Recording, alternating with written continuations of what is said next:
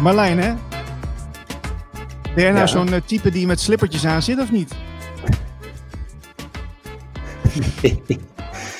Nee. ik heb een hekel aan slippers en uh, sandalen en uh, dat soort dingen. Oké, okay, oké. Okay. Fijn dat je kijkt en luistert naar Radio Gletscher. We zijn weer live. hoger bewustzijn, diepere radio. En ja, we gaan het er vandaag weer over hebben. Over uh, de bijzondere tijd waar we in leven. Daar hebben we ook een hele bijzondere gast voor uitgenodigd. Uh, dat is Marieke Bertens. Uh, Marieke, welkom in de show. Dankjewel, dankjewel heren. Ja, helemaal uit Vlamingen hè? Ja, ver weg. Maar ver dankjewel weg. voor het internet. precies, precies. Ja, Marieke, wij, wij volgen jou al een tijdje. Uh, jij maakt hele interessante video's over, uh, ja, over ja, je innerlijke transformatie, zou je kunnen zeggen. Uh, spiritualiteit in het algemeen. De, de, bijzondere tijd waar we in leven. En dan gaan we met jou uitgebreid over in gesprek. Want het is, ja, het is wel een, een dingetje, hè, dit, deze tijd. Absoluut. Precies. Hey Marlijn, um, voordat we verder gaan, moet je misschien even, uh, even vertellen wat, uh, wat, we, wat wij ook weer doen met Radio Gletscher. Want we hebben veel te vertellen, denk ik. Hè? Wat we deze week weer een nieuw programma daarbij hebben. Of moeten we dat nog niet vertellen? Uh, nee, dat moeten we nog niet vertellen. Want er, is nog helemaal, okay. er, er, moet nog een naam verzonnen worden. En, dat is, dus dat wordt lastig. Maar er is okay. inderdaad een, een programma in voorbereiding. Dus dat zal binnenkort wel te horen zijn bij ons, ja. Oké, okay, oké. Maar het is, het is inderdaad wel leuk, want wij hebben natuurlijk ja. gasten die wij aan elkaar voorstellen. Van, hè, zullen we die uitnodigen, zullen we die uitnodigen? En dan soms, af en toe, dan komt, het, komt er een naam voorbij. En dan zeg ik van, zullen we die uitnodigen? want die volg ik al een tijdje. En dan blijkt dat Niels, of andersom, die ook al een tijdje volgt. En die heeft dan zoiets van, ja, laten we doen. Nou, dat is vandaag komt dat nou helemaal zo mooi uit? Vandaag Want, komt het uh, gewoon samen. Marieke Bertens. Ja. Jee. dus, uh, maar misschien wel even leuk als, om nog even te vertellen. Uh, um, als mensen mee willen doen met Radio Gletscher of ons willen volgen, dat kan. We hebben namelijk een hele goede website, radiogletscher.nl. En we hebben ook uh, een nieuwsbrief die heel interessant is. Uh, elke week met een update van wat we gedaan hebben, maar ook een update van wat er gaat komen. Want we hebben best wel een lange gastenlijst inmiddels van uh, hele interessante sprekers, deskundigen over van alles en nog wat, die, die bij ons in uitzending komen. Um, dus meld je even aan op de nieuwsbrief op onze site radiogletscher.nl.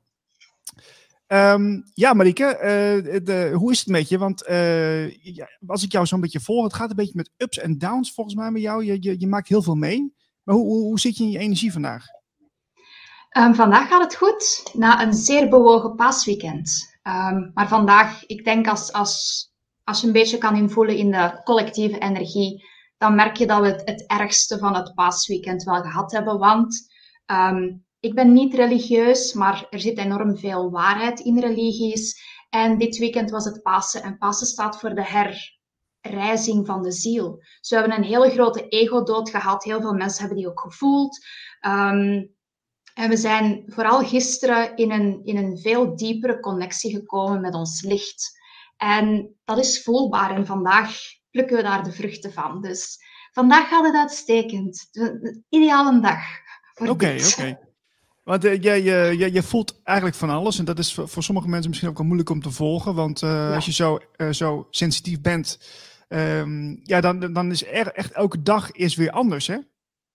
Absoluut. Um, S'morgens, middags en s'avonds is voor mij gewoon een andere wereld. En het, het is ook, ik, ik heb kinderen, als ik bijvoorbeeld mijn kinderen s'morgens op school afzet, ik ga door hele processen overdag. Ik ga ze halen en ik moet eerst kijken. Ik observeer eerst wie zijn mijn kinderen. Want mijn kinderen zijn mijn spiegel. En waar ben ik doorgewerkt en hoe reageren ze op mijn energie? En soms is dat heel heftig en soms is dat heel rustig. En zo weet ik ook van waar ben ik doorgegaan? Wat zit er nog in mijn weg? En ik, ja, doordat ik alles zo, zo sensitief kan aanvoelen, heb ik ook enorm veel hulpmiddelen om in mezelf dingen te gaan oplossen en, en mijn realiteit zelf vorm te geven. Ja, want met jouw video's uh, um, ja, geef je mensen eigenlijk een beetje ondersteuning om, om een soort verandering, een transformatie uh, door te gaan uh, maken. Maar uh, ja, een beetje domme vragen. Hè? Ik stel altijd domme vragen, maar waarom zou dat dan nodig zijn? Omdat toen, toen ik ontwaakte, ik wist niks van de onzichtbare wereld. Ik kende niks van spiritualiteit. Ik kende niks van het duister. Ehm, ik, ik wist gewoon niks. En een van de beloften die ik heb gemaakt toen was: als ik gelukkig mag zijn, dan beloof ik dat ik heel de wereld ga leren om ook gelukkig te zijn. Want als ik al mijn lijden en al mijn miserie en al mijn ongemak en mijn chronische ziekte kan ombouwen, transmuteren naar geluk, dan kan iedereen dat. Dus alle wijsheid die ik ontvang en alles wat ik mag experimenteren, deel ik met de wereld. En het, hetgeen dat ik gemerkt heb dat de meeste mensen last mee hebben, is dat ze zich zo onbegrepen voelen door hun omgeving. En als ik dan hun klankbord ben, dan hebben ze het gevoel van, hé, hey, ik ben niet gek. Want dat is iets dat ik heel mijn leven gehoord heb. Ik ben gek, ik ben raar, ik moet normaal doen, ik moet binnen de maatschappij passen. En dat ging niet. Ik heb mijn uiterste best gedaan, maar het, het gaat gewoon niet. En iemand moet het vertellen. Dus ik heb mezelf daarvoor opgeofferd. wat, wat doe jij met. Uh, wat ik, ik herken dat ook wel. Want ik ben ook altijd raar gevonden. En ik kwam er ook nog achter dat er nog iets zit bij mij. Dus ik raak getriggerd als iemand zegt van. Uh, wat doe je raar of zo. Dus wat, wat, is dat, wat is dat dan? Wat dan nog steeds in mij triggert? Het, het is een, een verkeerde programmatie. Mensen leren elkaar aan dat het oké is om jouw emoties te verdrukken, dat het oké is om materialistisch te zijn, maar dat niemand in de hele wereld zichzelf mag zijn. Dus we hebben een kudde-mentaliteit met allemaal schaapjes. Dat is de meest gangbare term dat mensen kennen, de schaapjes. En de schaapjes staan onderaan de berg. En de tempel van hun ziel staat bovenop de berg. En geen enkel van de schaapjes durft klimmen. Dus als je daar dan aankomt en je zegt: hey, ik ben het licht en laat ik gewoon doen waarvoor ik kom in mijn zielsmissie leven. Die komen allemaal op jou gesprongen. En ze zeggen: Nee, je kan dat niet. Want omhoog gaan is onveilig. Dan voel je je beter dan ons. Dan ga je iets maken van jouw leven. En op zich is dat geen probleem, maar vanaf het moment dat ik mijn leven in eigen handen neem en ik begin er allemaal zogenaamde wonderen en mirakels en toevalligheden en geluk te manifesteren, wat overigens gewoon oorzaak en gevolg is, dan, dan worden zij geconfronteerd met hun lafheid en, en met hun niet doen en met hun onzekerheden en met hun angsten. Dus iedereen die, die een beetje moeite doet om zichzelf te laten groeien, wordt gewoon bekogeld. En iedereen springt op jou en, en je wordt energetisch gewoon onderdrukt. En, en ze halen jou van jouw berg af. En, en dat is zo het, het energetische dat je voelt. En, en wat dat mensen voelen van, ik voel mij hier niet welkom. Ja. Marieke, heb je wel geprobeerd om erbij te horen, zeg maar? Of, uh, of heb je dat nooit echt... Uh... Ik heb um, ik heb heel mijn leven moeite gedaan om erbij te horen. Ehm, en op mijn elfde heb ik echt besloten van, kijk, wie of wat ik ben is nooit goed genoeg. Dus ik zet mezelf volledig uit en laat ik zijn zoals iedereen rondom mij. En dat is het moment dat ik depressief ben geworden. Ik ben ook de diagnose gekregen van depressie en ik heb dat 22 jaar meegedragen. Ik ben chronisch ziek geworden, nog erger dan ervoor. Um, ik had geen levenslust, zelfmoordpogingen, alles. Ik heb psychiaters, psychologen gevolgd. En niemand kon me helpen, omdat niemand tegen mij heeft gezegd: hey, je mag liefde zijn. Hey, je mag beter voor jezelf zorgen. Je mag opkomen voor jezelf. Je mag, je mag gewoon zijn wie dat je wil zijn. En je mag lachen. Want gisteren schreef ik het nog neer in mijn dagboek. Het, het is een misdaad om gelukkig te zijn als je lachend door het leven gaat, mensen bekogelen jou energetisch. Alsof dat je een of andere grote misdadiger bent, want jij bent gelukkig en zij niet. Dus mijn geluk moet weggaan, zodat zij zich oké voelen. Maar dan zou je eigenlijk ook kunnen constateren dat heel veel mensen dus gewoon ongelukkig zijn. Ja, ja. En, en ik, ik heb zo een, een tijd ehm, mails uitgestuurd van geluk is een mindset, geluk kan je leren, geluk is er voor iedereen, ongeacht jou, um, jouw verleden, geluk is er voor jou. En er zijn zoveel mensen die erop geantwoord hebben, maar niet voor mij. En dan denk ik, wauw, hoe, hoe diep zijn wij niet geprogrammeerd door het leven? Dat mensen zeggen, geluk is er voor iedereen behalve voor mij. En, en dat, is, dat is waar het om draait in de maatschappij, die pijn. Ja, in al die onderzoekjes van landen en zo, en ook van Nederland, er staat altijd in van ja, de Nederlander is zo gemiddeld zo, hè, geeft een 7 aan het leven, is toch wel aardig gelukkig en zo. uh, dat, dat eh, neem ik altijd met, met een korreltje zout. Maar uh, dan kan je zeggen van ja, maar dan als iemand dus een, zijn leven een 9 geeft, of een 10 zelfs, die mag er eigenlijk niet zijn. Die moet eigenlijk naar beneden, want dan, dan, dan hoor je bij de, de groep van de zeventjes, zeg maar. Ja, ja en, en wat is voor hen geluk? Want ik heb gemerkt, mijn geluk is compleet anders dan het geluk van de doorsnee mens.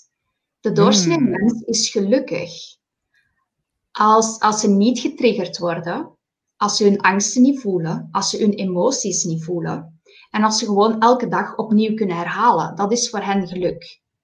Voor mij is dat niet lijden. Dat, dat is voor mij geen geluk. Geluk wil zeggen dat je plezier hebt in je leven, dat je elke dag doet wat dat je wil doen, dat je gezond bent, dat, je, dat jouw hoofd leeg is, dat je zelf controle hebt over jouw gedachten en dat je omringd bent door leuke mensen en dat je, dat je gewoon kan lachen en dansen en springen en gieren en genieten. Dat is geluk. Dus die zeven is, is ook nog uit de context getrokken.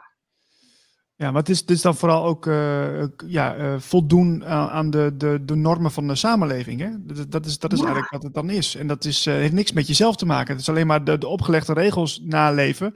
En dan denken van, nou, dat je uitge, uitgeput op de bank zit s'avonds. En denk van, nou, ik heb alles weer gedaan. Ik heb de boodschappen gedaan. De, de, de kinderen zijn weer naar school geweest. nou ja, ik heb mijn, ik heb mijn baan weer gedaan. En dat is dan klaar. Maar dat heeft helemaal niks met jezelf te maken natuurlijk. Nee. Nee. Het, oh.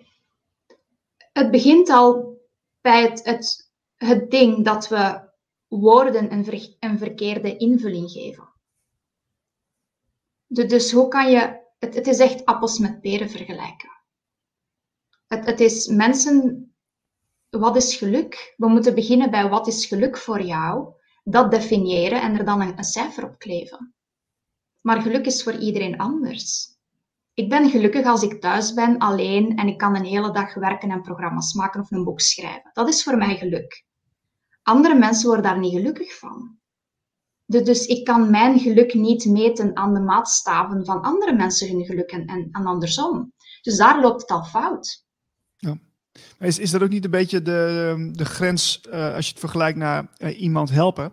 Want uh, je, je, je kunt natuurlijk mensen inspireren om, um, om dingen anders te doen, om, om dingen in zichzelf aan te kijken. Hè? maar um, uiteindelijk moeten die mensen het wel zelf doen. Ja, ja. En, en daar loopt het ook heel vaak fout. Mensen zeggen alles. Ik wil, ik wil, ik wil, ik wil. Maar willen ligt in de toekomst.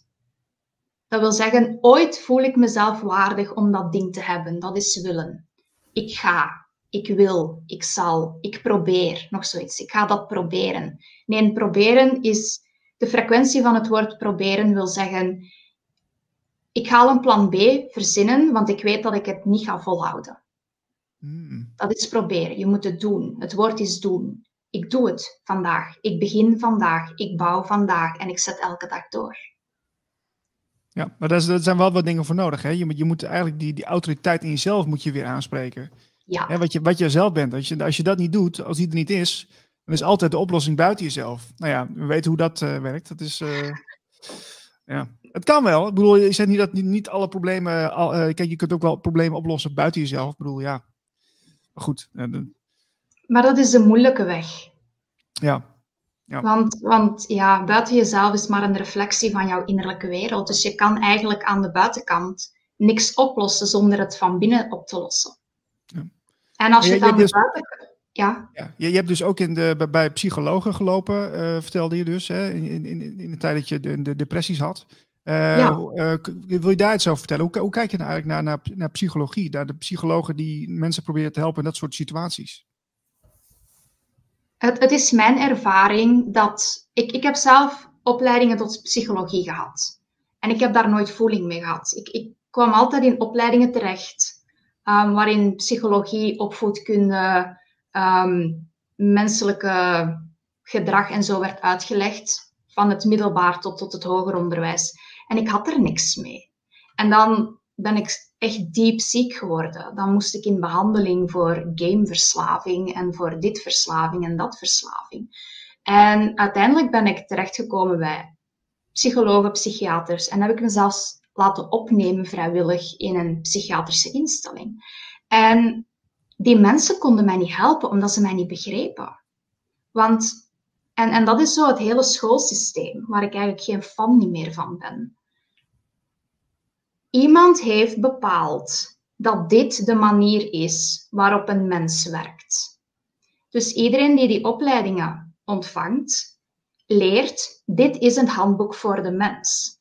Maar zoals we weten, elk mens is anders. Dus er is geen handboek voor een mens. Er is een algemeen stappenplan dat je misschien kan volgen. Maar je kan niet verwachten dat elke mens voldoet aan alle regeltjes in dat handboek. Dus ik vroeg aan hen, ze hadden allemaal gelijk. Ik heb het dan aan iedereen gevraagd en ze zeiden allemaal, jouw problemen zitten tussen jouw twee oren. 100% gelijk. Nog altijd, ik ben, ik ben daar helemaal, ik sta er helemaal achter. Dat is, dat is ook mijn idee. En dan vroeg ik aan hen, hoe, hoe, laat je dat los? Hoe haal ik het eruit? Ja. ja, je moet het loslaten. Ik zeg, ja, maar hoe? Hoe? Ja, je moet het loslaten. Ik zeg, dat is geen antwoord op mijn vraag. Hoe laat ik het los? En dat is iets waar dat de handboeken geen antwoord op geven, want ik paste niet in de schema's van die handboeken. De, ze hadden voor mij geen handleiding. Dus ik werd aan mijn lot overgelaten en het was hier neem een pilletje. Ja. Maar je, bent, je, bent er wel, je bent er wel uitgekomen. Alleen, op eigen kracht. Om, omdat ik op een gegeven moment zoiets had van niemand kan me helpen. Mijn lichaam wil niet sterven. Want ik zat aan medicatie, ik, ik, ik, had kanker, ik had van alles. Chronisch pijn al jaren. Um, en, en mijn lichaam wou niet sterven. En dan had ik zoiets van, oké, iets in mij wil leven, laat ik dan gelukkig zijn. En als ik dan mag gelukkig zijn, ja, dan wil ik het ook aan andere mensen aanleren. En, en ik werd gelukkig na die keuze. Zes maanden later was ik gewoon permanent gelukkig. En, en het is nooit, sindsdien nooit anders meer geweest. Het, het is wat, een keuze. Wat heb je dan met jezelf uh, afgesproken dan, Marike? Hoe, hoe is dat gegaan? het was maart 2017 en ik had er genoeg van.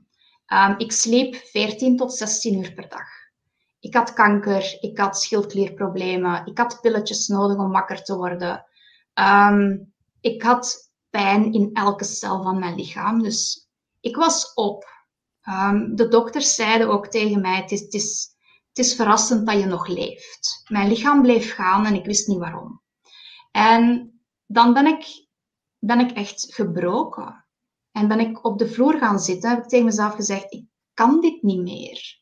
Ik lijd, ik wil leven dit is, dit is geen leven, dit is bestaan en ik verdien beter dan dit. Dus heb ik op dat moment in complete kalmte tegen mezelf gezegd, of ik word gelukkig en als dat niet mogelijk is, dan sterf ik. En ik ben gaan liggen op de vloer en ik heb echt, ik ging ervan uit dat mijn hart ging stoppen. Ik was zo klaar met mijn leven, zo klaar met het lijden. En ik ben gaan liggen en, en ik ik was ervan overtuigd van het is nu gedaan, ik had er volledige vrede mee. En na tien minuten was ik zo teleurgesteld dat ik zelfs dit niet kon. En, en dan ben ik rechtgestaan en heb ik, tegen mezelf gezegd, oké, de andere optie is gelukkig zijn. Dan, dan moet er een manier zijn om gelukkig te zijn. En dan kwamen er woorden uit mijn mond die zeiden, maar ik heb hulp nodig ik, ik weet dat ik dan gelukkig kan zijn, maar ik heb hulp nodig. Ik heb een hand nodig die mij leidt, gezien of ongezien. En ik schrok van mijn woorden. Ik zeg ongezien, dat is zo raar. Ik, Hmm. Er is geen ongeziene hulp, er is geen ongeziene wereld. Ik geloofde daar niet in. Dat was voor mij... niet- Dat bestond niet. Er was geen spiritualiteit, er was geen disclosure, er waren geen aliens, er waren geen engelen, er is geen hulp. Ik ben alleen.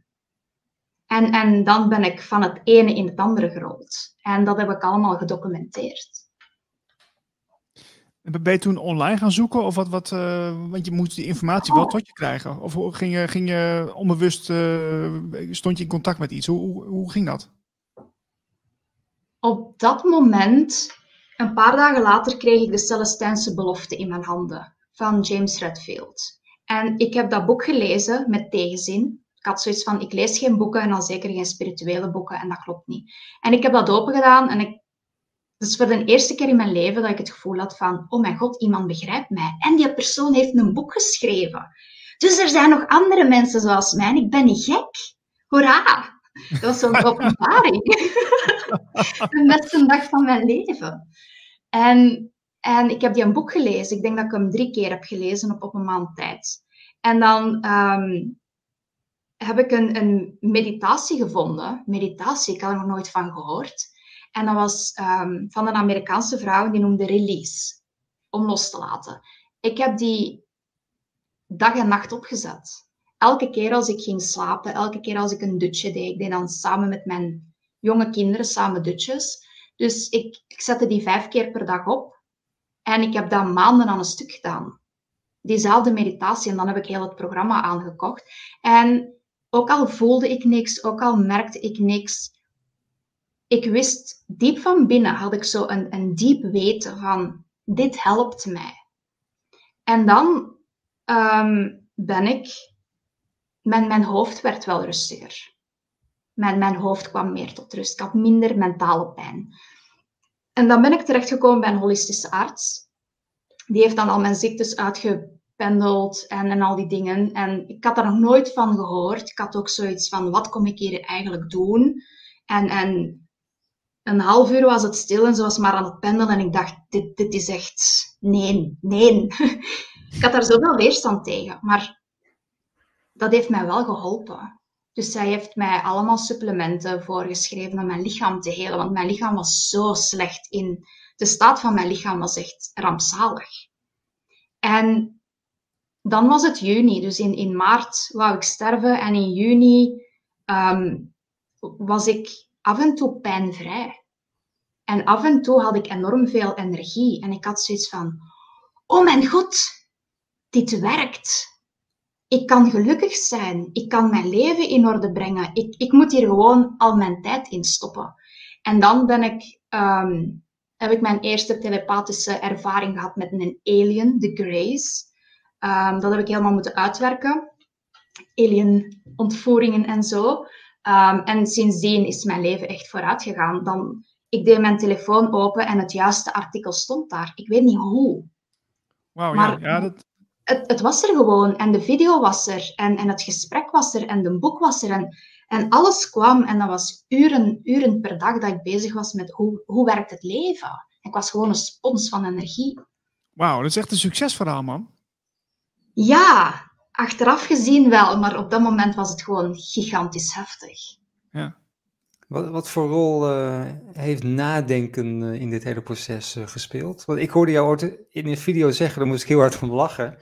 Terwijl je dat volgens mij niet grappig bedoelde. Maar jij zei van, ja, nadenken. Ik was een kampioen in nadenken. Dat heeft mijn leven verwoest.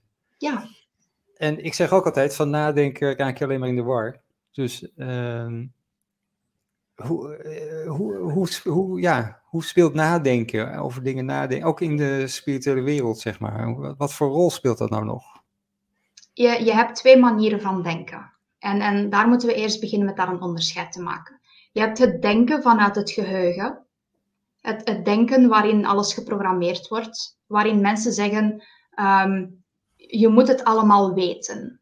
Wat er in de handboeken staat. Dan ben je een, een, een copycat. Wat er in het boek staat, herhaal je. Dat is het, het normale denken. Het, nee, niet het, ik mag het niet normaal noemen. Dat is het menselijke denken, zoals het wordt aangeleerd. Maar je hebt ook een universeel denken. En als je het klepje bovenop jouw hoofd opent, dan komt alle kennis en alle wijsheid van het universum in jou. En, en dat is een. Dan denk je niet, dan weet je gewoon. En dan noemen ze jou een bedweter. Dus dan, sta je voor een probleem, iets dat je nog nooit van jouw leven hebt gedaan, je weet er niks van. En je staart daarnaar. En vijf minuten later heb je zoiets, ah, het moet zo. En dat is de best mogelijke oplossing. Het is van de eerste keer juist. Dat is het universele denken.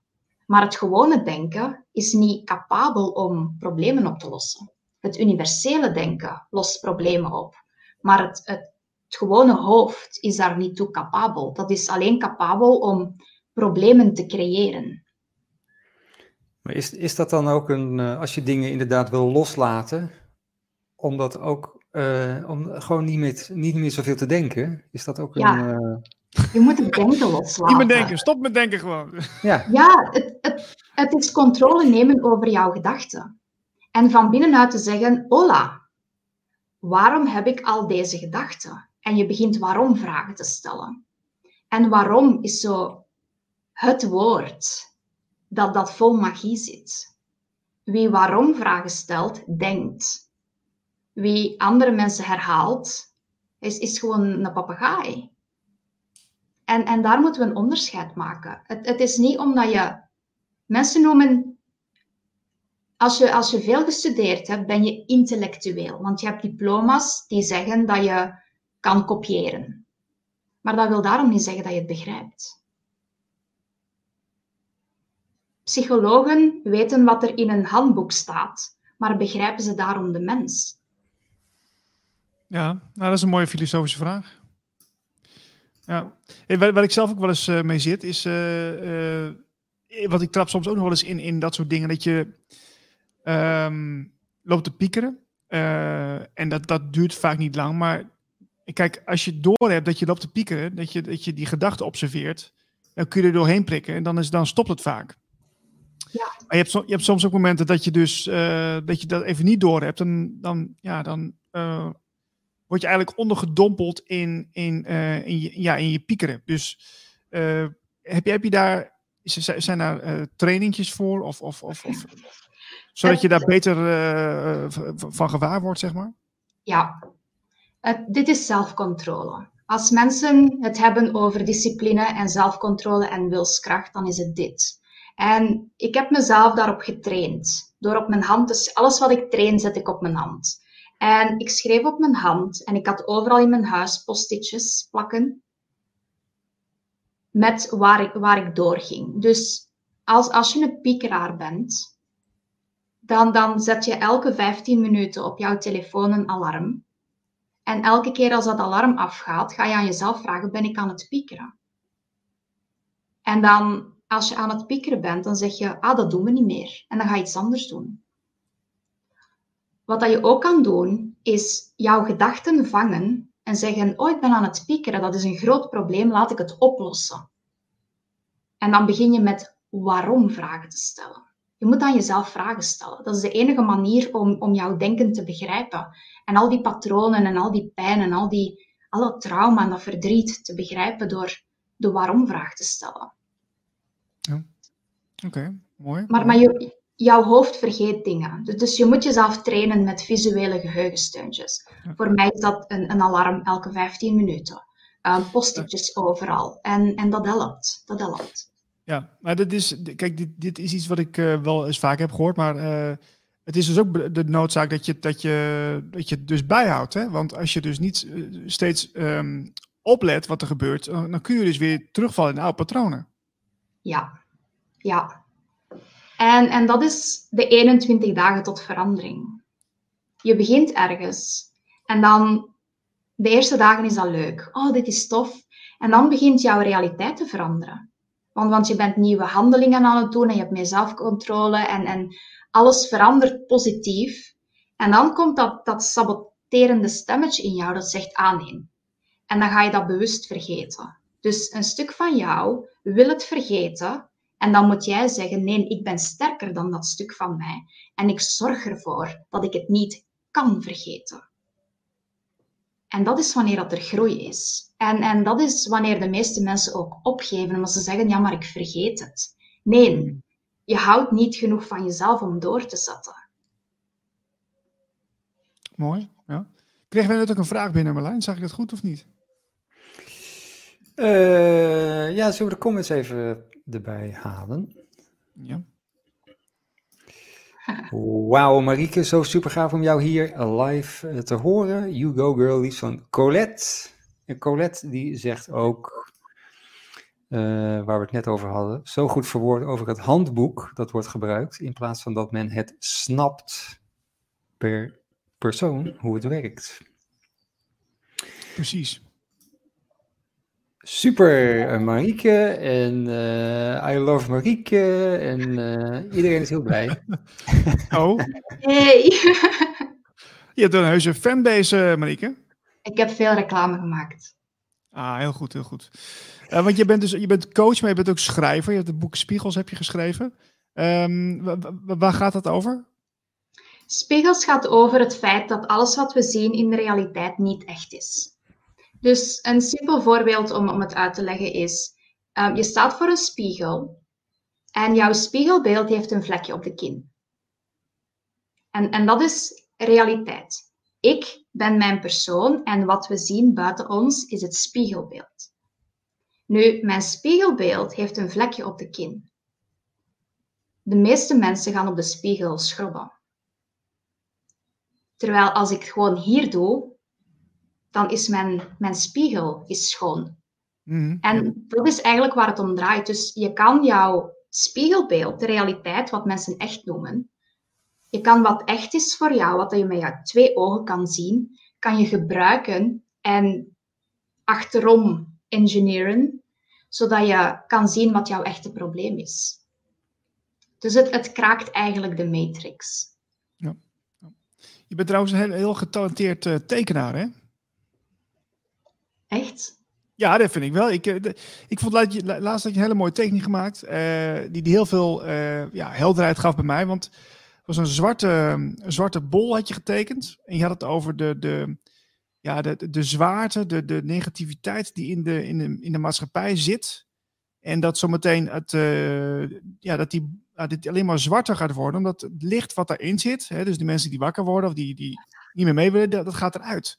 Vond ik een hele mooie, een mooie, mooie tekening die heel veel duidelijkheid gaf bij mij. Het, het was gewoon simpel. En de kracht zit in simpliciteit. En, en dat is wat er momenteel ook op dat moment gaande was in de energie. En dat is allemaal gechanneld. Dus ik moest al denken over wat ging het. Maar ja. inderdaad. Ah ja. ja oh, wat een, dat was ik al helemaal vergeten. Ja, maar dat is hoe het leven werkt. Ja. Dat is Kun je een beetje naar, naar, jezelf terugkijken of doe, doe dit liever niet? Oh ja, ik, ik, kijk al mijn video's terug. Ik kijk eerst terug voor ik ze upload. Want het, het zijn video's die ik ook maak voor mezelf om helderheid te krijgen. Ja, ja. En dat, dat channelen, doe, doe je, uh, met, met, met, wie channel jij dan? Of is dat heel persoonlijk? Nee, het, het, ik heb geen naam. Um, er zijn heel veel verschillende figuren en ik heb mezelf zo getraind in het vertrouwen dat op dat moment de juiste informatie doorkomt, via welke entiteit ook. En het maakt niet uit wie de entiteit is. Ik hoef de naam niet te weten, ik hoef het ras niet te weten, ik hoef niks te weten.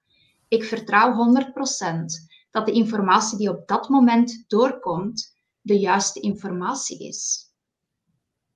Dus ik, ik werk met heel veel entiteiten. Ik heb mijn eigen gidsen, ik heb mijn eigen team, maar er zijn ook heel veel andere entiteiten die, die af en toe langskomen.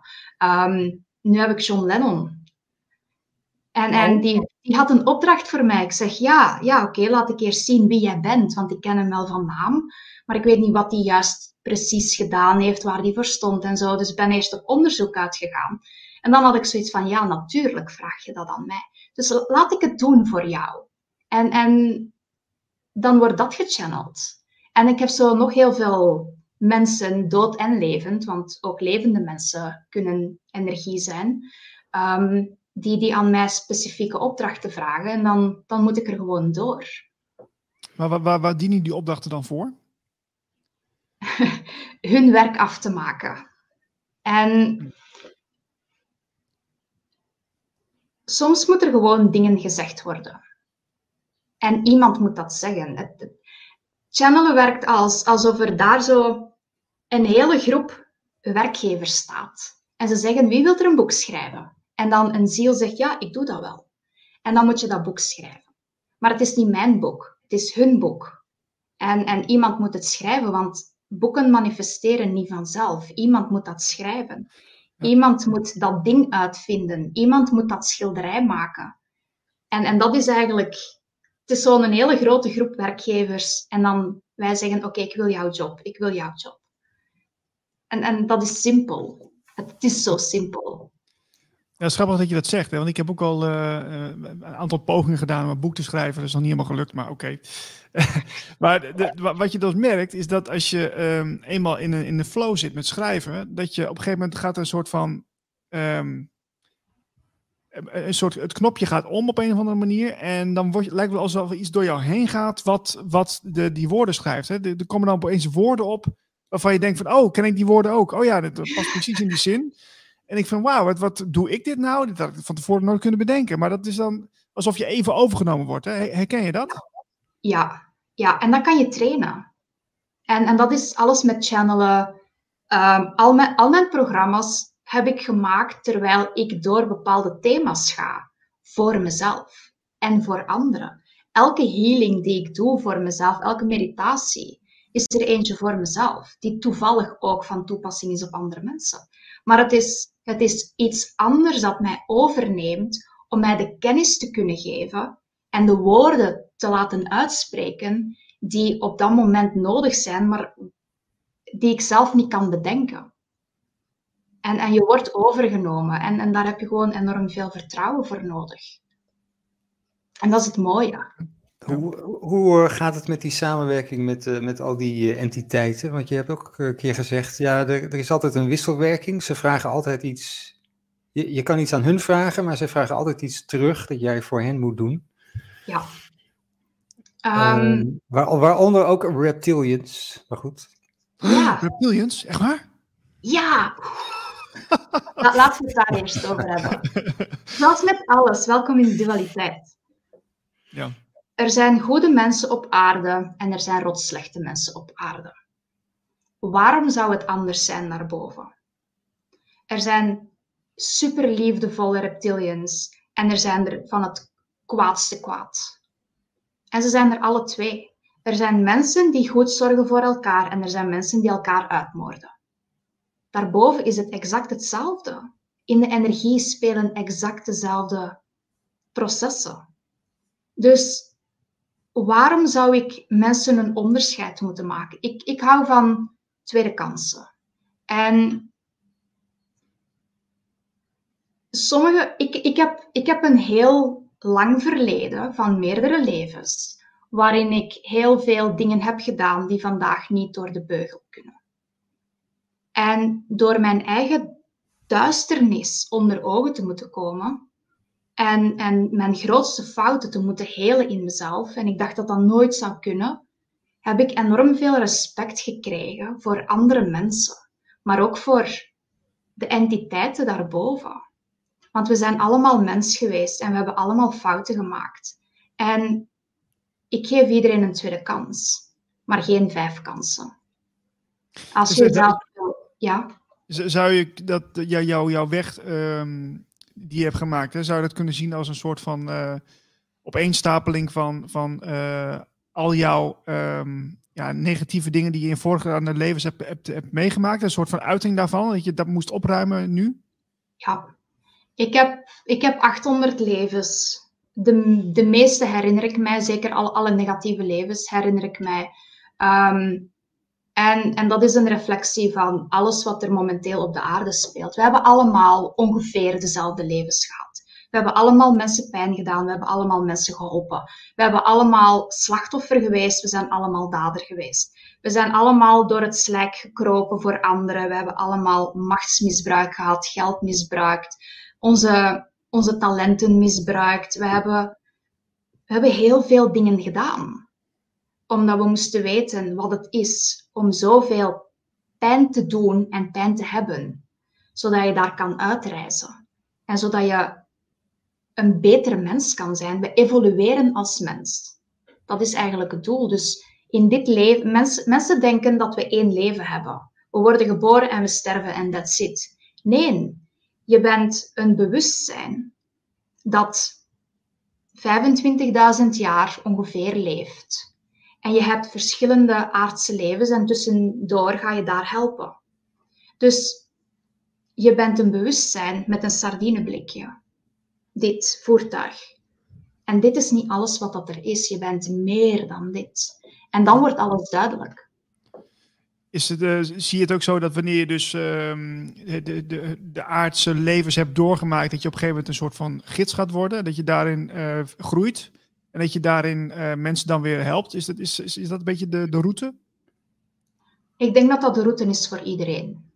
Dat je leert uit jouw fouten en dat je andere mensen helpt door hen te vertellen over jouw fouten, zodat zij die fouten niet hoeven te maken.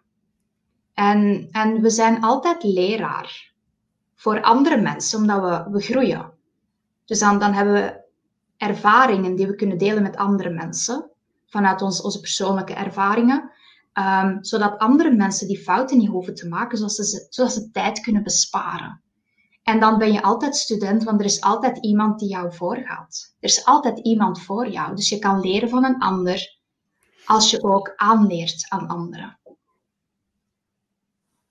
Oké, mooi. Ik, ik, wil even naar, uh, een beetje naar de toekomst. Want uh, eindelijk, zou ik willen zeggen, hoor je veel meer mensen nu... Uh, ja, we moeten eigenlijk naar een soort communities toe. We moeten naar een eigen, eigen gebiedje waar we dan allemaal kunnen leven. En een beetje self-sustaining kunnen zijn ook en zo. En jij bent er ook mee bezig.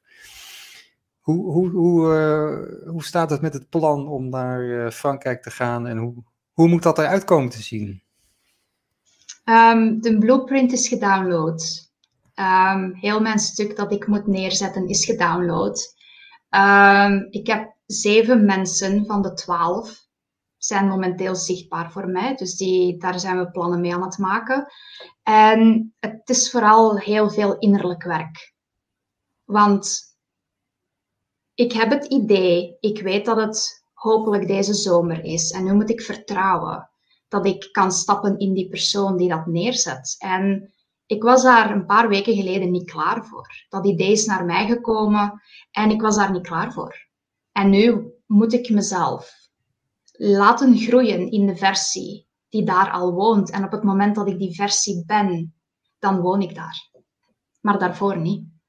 Dus hoe zit het met de plannen? Ik doe mijn uiterste best om van binnen klaargestoomd te worden om daar te kunnen zijn. En het wordt uitgesteld tot als ik mijn werk heb gedaan. En, en hoe, hoe, ziet het daar eh, uiteindelijk uit dan? Hoe, uh, hoe wordt er geleefd? Zoals vroeger in de tempels. Ik heb herinneringen van Lemuria. Ik, ik, heb echt, ik heb daar een eigen tempel gehad. Dat is zo een van die vorige levens die ik helemaal in het begin mocht, mocht ervaren. En ik ik wist al heel lang, dat is wie ik ben en dat is mijn doel en dat is waarom ik hier ben. Om die tempel terug te bouwen in een piramidestructuur. En alles in de wereld is een piramidestructuur. Dus je hebt iemand, het topje van de piramide, bepaalt de mindset, bepaalt alles. En dan zijpelt het door naar een team dat het uitvoert, naar hun team dat hun dingen uitvoert. En, en jouw piramide groeit en groeit en groeit en kan veel meer mensen bereiken. Dus het is het is het tegenovergestelde van de maatschappij die we vandaag hebben. Waar nu alles materialistisch is, is daar alles onzichtbaar eigenlijk. Maar voor ons is het zichtbaar.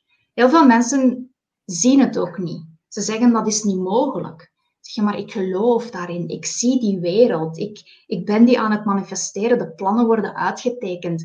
Um, de handboeken worden geschreven. De programma's worden gemaakt. Ik, ik weet wel wat ik moet doen. Dus voor mij is het zichtbaar. Maar voor heel veel mensen is dat, ze hebben daar heel veel namen voor. Komt dat dan mede door de, door de uh, verkalkte pijnappelklier? Of, uh... Ja, ja. Um, het is ook een zeer hoge frequentie. Zoals iemand, iemand vertelde mij, wat als we nu gewoon twee verschillende soorten mensen zijn? Zou dat niet heel veel verklaren?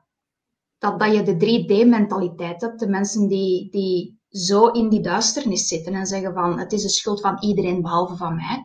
En dan heb je de mensen die zeggen nee, ik ga, ik ga mijn frequentie verhogen, ik ga liefde zijn en ik ga alles zijn wat jij niet bent. En laten we gewoon twee tegenovergestelde zijn. Dus in essentie creëren we nu letterlijk een nieuwe menssoort. Die anders denkt, anders handelt, anders eet, telepathisch is, die geen geheimen heeft, die, die in een hele andere wereld leeft. En, en dat is wat dat er in alle eeuwen altijd is gebeurd. Is het altijd dezelfde weg uh, geweest? Dus, dus dat, dat de mens zo is uh, verder gegaan? Of tenminste dat die splitsing daar duidelijk zichtbaar was? Ja, oh. ja in, in de oude geschriften staat um, de goden. Je hebt de, je hebt de goden van Egypte. Maar wat als dat echt, echt mensen zijn, wat dat wij noemen priesters? Of de, de priesterkoningen, nog beter. Um, je hebt de, de wijzen en, en de goden van um, Egypte, Egypte, Rome, Griekenland. Je hebt van de Noren. Wat als er effectief mensen zijn die gewoon een veel hoger bewustzijn hebben, waarvan mensen zeiden dat zijn onze goden, omdat ze gewoon veel meer wisten, omdat dat een soort archetypes zijn. Dus is, is het dan de goden zijn geland op aarde, of is het de mens die zich verheven heeft tot zo'n hoge frequentie dat ze zoals God zijn? Mm, ja, ja. Dus, dus er, er is wel degelijk een, een onderscheid. Waar de mensen de verheven meesters en de heiligen en, en die dingen. Maar zijn het daarom goden? Dat staat ter discussie, maar er, er, er is gewoon een verschil. Het DNA is anders. Alles is anders aan die mensen. Ja, we hebben trouwens, eh, over, je hebt het nou over DNA. We hebben 7 juni hebben wij een, uh, een speciale lezing we hebben in de maand juni en juli hebben we een lezingenserie bij Radio Gletscher. En uh, eh, 7 juni gaat Peter Tonen het hebben over DNA healing. Dus uh, voor de mensen die naar, naar zitten kijken, die kunnen dan live intunen. En die kunnen dan ja, meekijken en, en vragen stellen. dus nou, dat is eventjes tussendoor. Ik, ik zeg het even, maar... goed, goed. Zo is het. Um, hoe, hoe zit het nou met die, met die piramidestructuur? Want het is nog niet helemaal duidelijk voor mij. Want we zitten nu ook in een hiërarchische ja. uh, piramidestructuur. Dat is wel materialistisch, maar het wordt een soort energetische piramidestructuur. Dan ja, het is energetisch, maar het is ook zichtbaar. Het is zoals bij elk bedrijf. Je hebt bovenaan een bedrijf heb je altijd één iemand die zegt het is zo, die de visie heeft.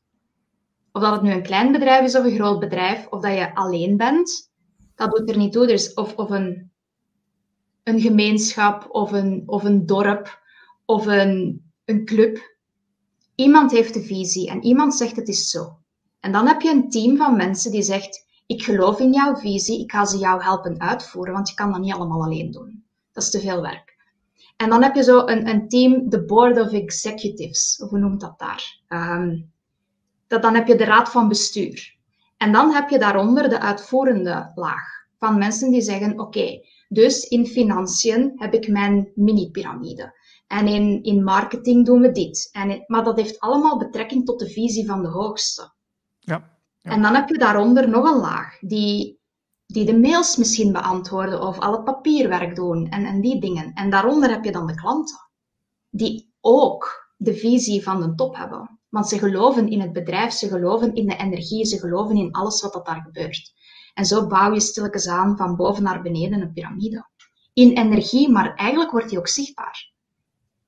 Maar het begint allemaal bij de top die zegt, oké, het is zo en zo. Dat is ook waarom familiebedrijven, als een, de top van een familiebedrijf, meneer X, sterft en dan de zoon neemt het over, ja, opeens gaat dat bedrijf, omdat de visie anders is, omdat die persoon die nu de top is, niet dezelfde is als daarvoor. Die heeft niet dezelfde waarden, niet dezelfde normen, niet dezelfde gedrevenheid en, en doorzetting. En, en de visie is anders. Ja, en dan stort dat als een kaartenhuisje in elkaar. En dat is de kracht van energie.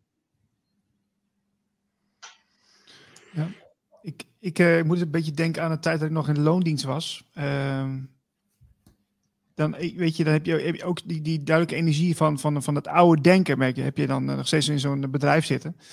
En dan, uh, ik, ik, ik, was nooit, ik was nooit vatbaar voor, um, ja, die, die, hiërarchie, zeg maar, die er heerst in zo'n systeem, weet je wel. Dus dat er altijd een leidinggevende is, daar, daar kijken mensen dan tegenop, hè, de, de, de, de, werknemers. En, maar ik vond het altijd zo frappant dat, dat, dat, dat mensen zo makkelijk, zeg maar, daarin meegingen. Dus als iemand wat zei, hè, de, de, de leidinggevende zegt van, nou, we gaan, uh, we gaan het zo en zo doen. Uh, dat, dat, dat, er, dat die, die meegaandheid, zeg maar, die, die er gewoon in zit bij mensen. Ik, ik ben er nooit uh, vatbaar voor geweest. En ik, daardoor had ik ook altijd het idee van, ik, ik hoor er niet bij, maar ik ben er wel, maar ik hoor er niet bij. Weet je wel? Dat is, maar wat, wat, wat is dat dan volgens jou? Hè? Dat het bij mij, ja, dat herken je ook wel, denk ik, dat het bij mij niet zo was, met de andere mensen gewoon zo hup met de stroom meegaan. Wat, wat, wat is dat voor verschil? Um, in, in het 3D-denken, de maatschappij die we nu hebben, wordt iedereen geprogrammeerd om niet te denken. Dus het is veel gemakkelijker als jouw leidinggevende zegt: je moet het zo doen en er vooral niet tegen in te gaan. Want als je er tegenin gaat, dat is moeilijk, dat is lastig, um, dan krijg je problemen. En het is veel gemakkelijker om gewoon ja te knikken en s'avonds naar huis te gaan, wetende dat jouw geld op jouw bankrekening staat. Geld is iets dat heel raar is voor mensen. Daar zit enorm veel macht op. Dus mensen doen de gekste dingen om toch maar betaald te krijgen op het einde van de maand. En ze, ze denken niet. Ze zeggen gewoon, oké, ik ben hier om te werken, whatever. Als jij mij maar mijn loon geeft op het einde van de maand, ben ik gelukkig en ik ga niet tegen jou ingaan. En dat is een heel groot probleem van de maatschappij, want mensen denken niet. Mensen denken niet aan de gevolgen, mensen denken niet aan karma, aan de energetische schuld dat ze later moeten gaan inlossen voor de dingen hmm. die ze hebben gedaan in de naam van een ander. Ja, ook, ook vooral het, trouw zijn aan jezelf. Hè? Dat, je, dat je eigenlijk, als je voelt van het klopt niet, dan moet je dus uh, sterk zijn en zeggen, nou het klopt niet, dus ik doe het niet. Maar ja, Dat, is dus weer de, de, dat is weer een heel ander iets, want uh, ja, zeggen en doen, zijn twee dingen. Ja, en, en als je tegen jouw baas zegt, ik doe het niet, dan zegt hij, ja, dan ga je maar naar huis en dan heb je geen loon. En dat is hetgene waar de mensen zo bang voor zijn, omdat het systeem zo gebouwd is om geld. Het systeem is zo gebouwd dat je altijd geld nodig hebt. En als je geen geld hebt, ja, dan, dan heb je een probleem. Dus mensen doen hele vreemde dingen en gaan compleet tegen zichzelf in om toch maar geld te ontvangen. Want anders zijn ze hun huis kwijt en dan zijn ze hun imago kwijt en dan kunnen ze niet op reis en dan kunnen ze niet al die dingen doen. Dus hun werk en wat ze daar moeten doen, ze zetten daar hun eigenheid opzij om toch maar loon te hebben. Want als ik tegen mijn baas inga, dan word ik morgen misschien ontslagen. En dat is onveilig. En dat, dat geeft angst en stress. Dus het is, het is veel ingewikkelder dan dat. Het is veel groter dan dat.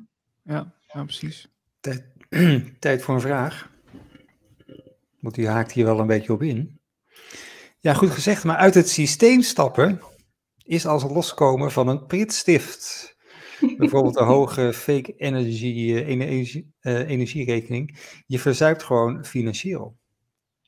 Ja. Dus hoe? Hoe, hoe, hoe doen we dat? Geld is een mindset. Geld, geld is gewoon een zichtbare vorm van eigenwaarde.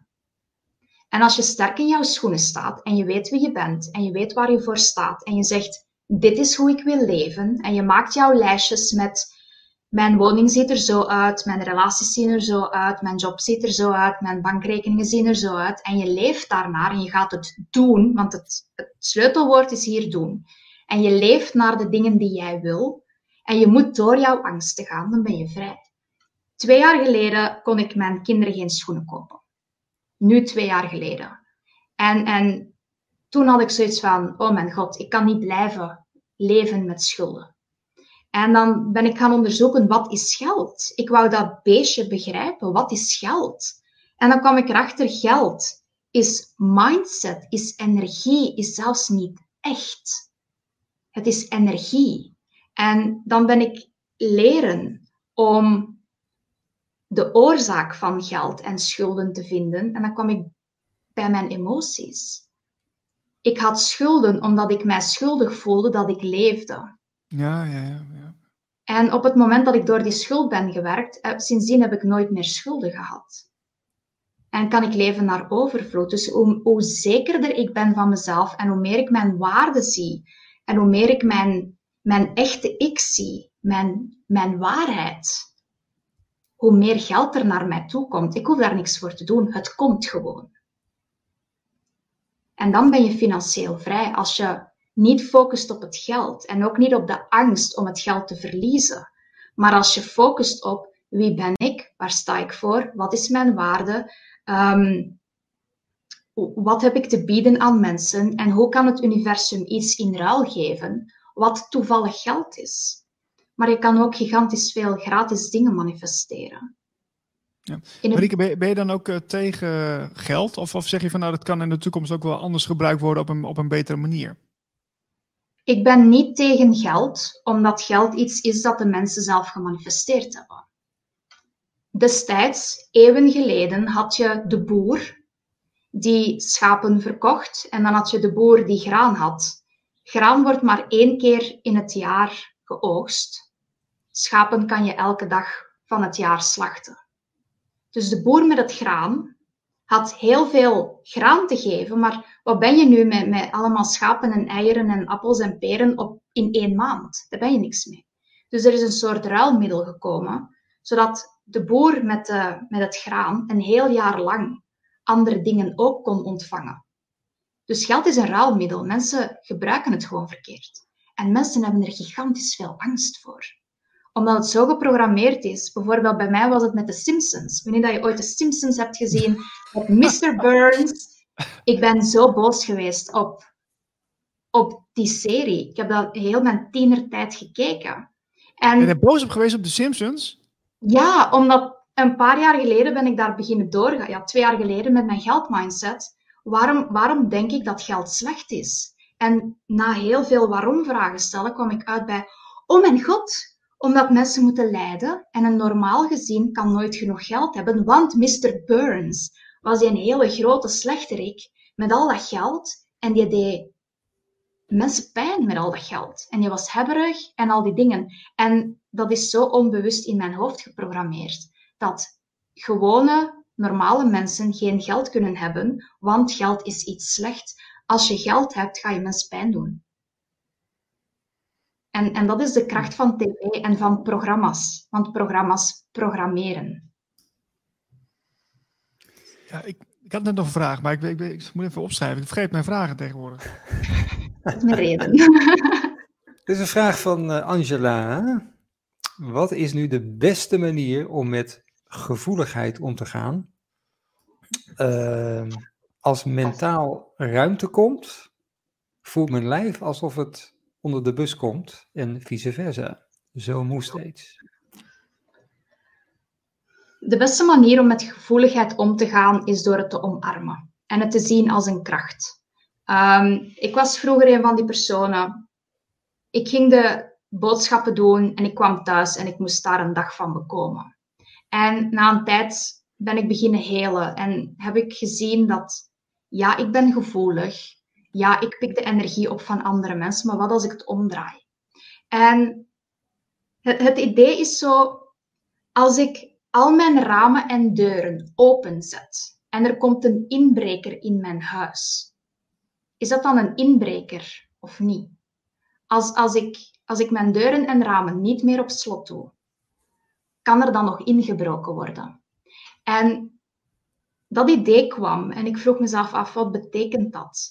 En ik heb zoveel energie, zoveel licht, zoveel warmte, zoveel liefde, zoveel positiviteit aan mensen te geven.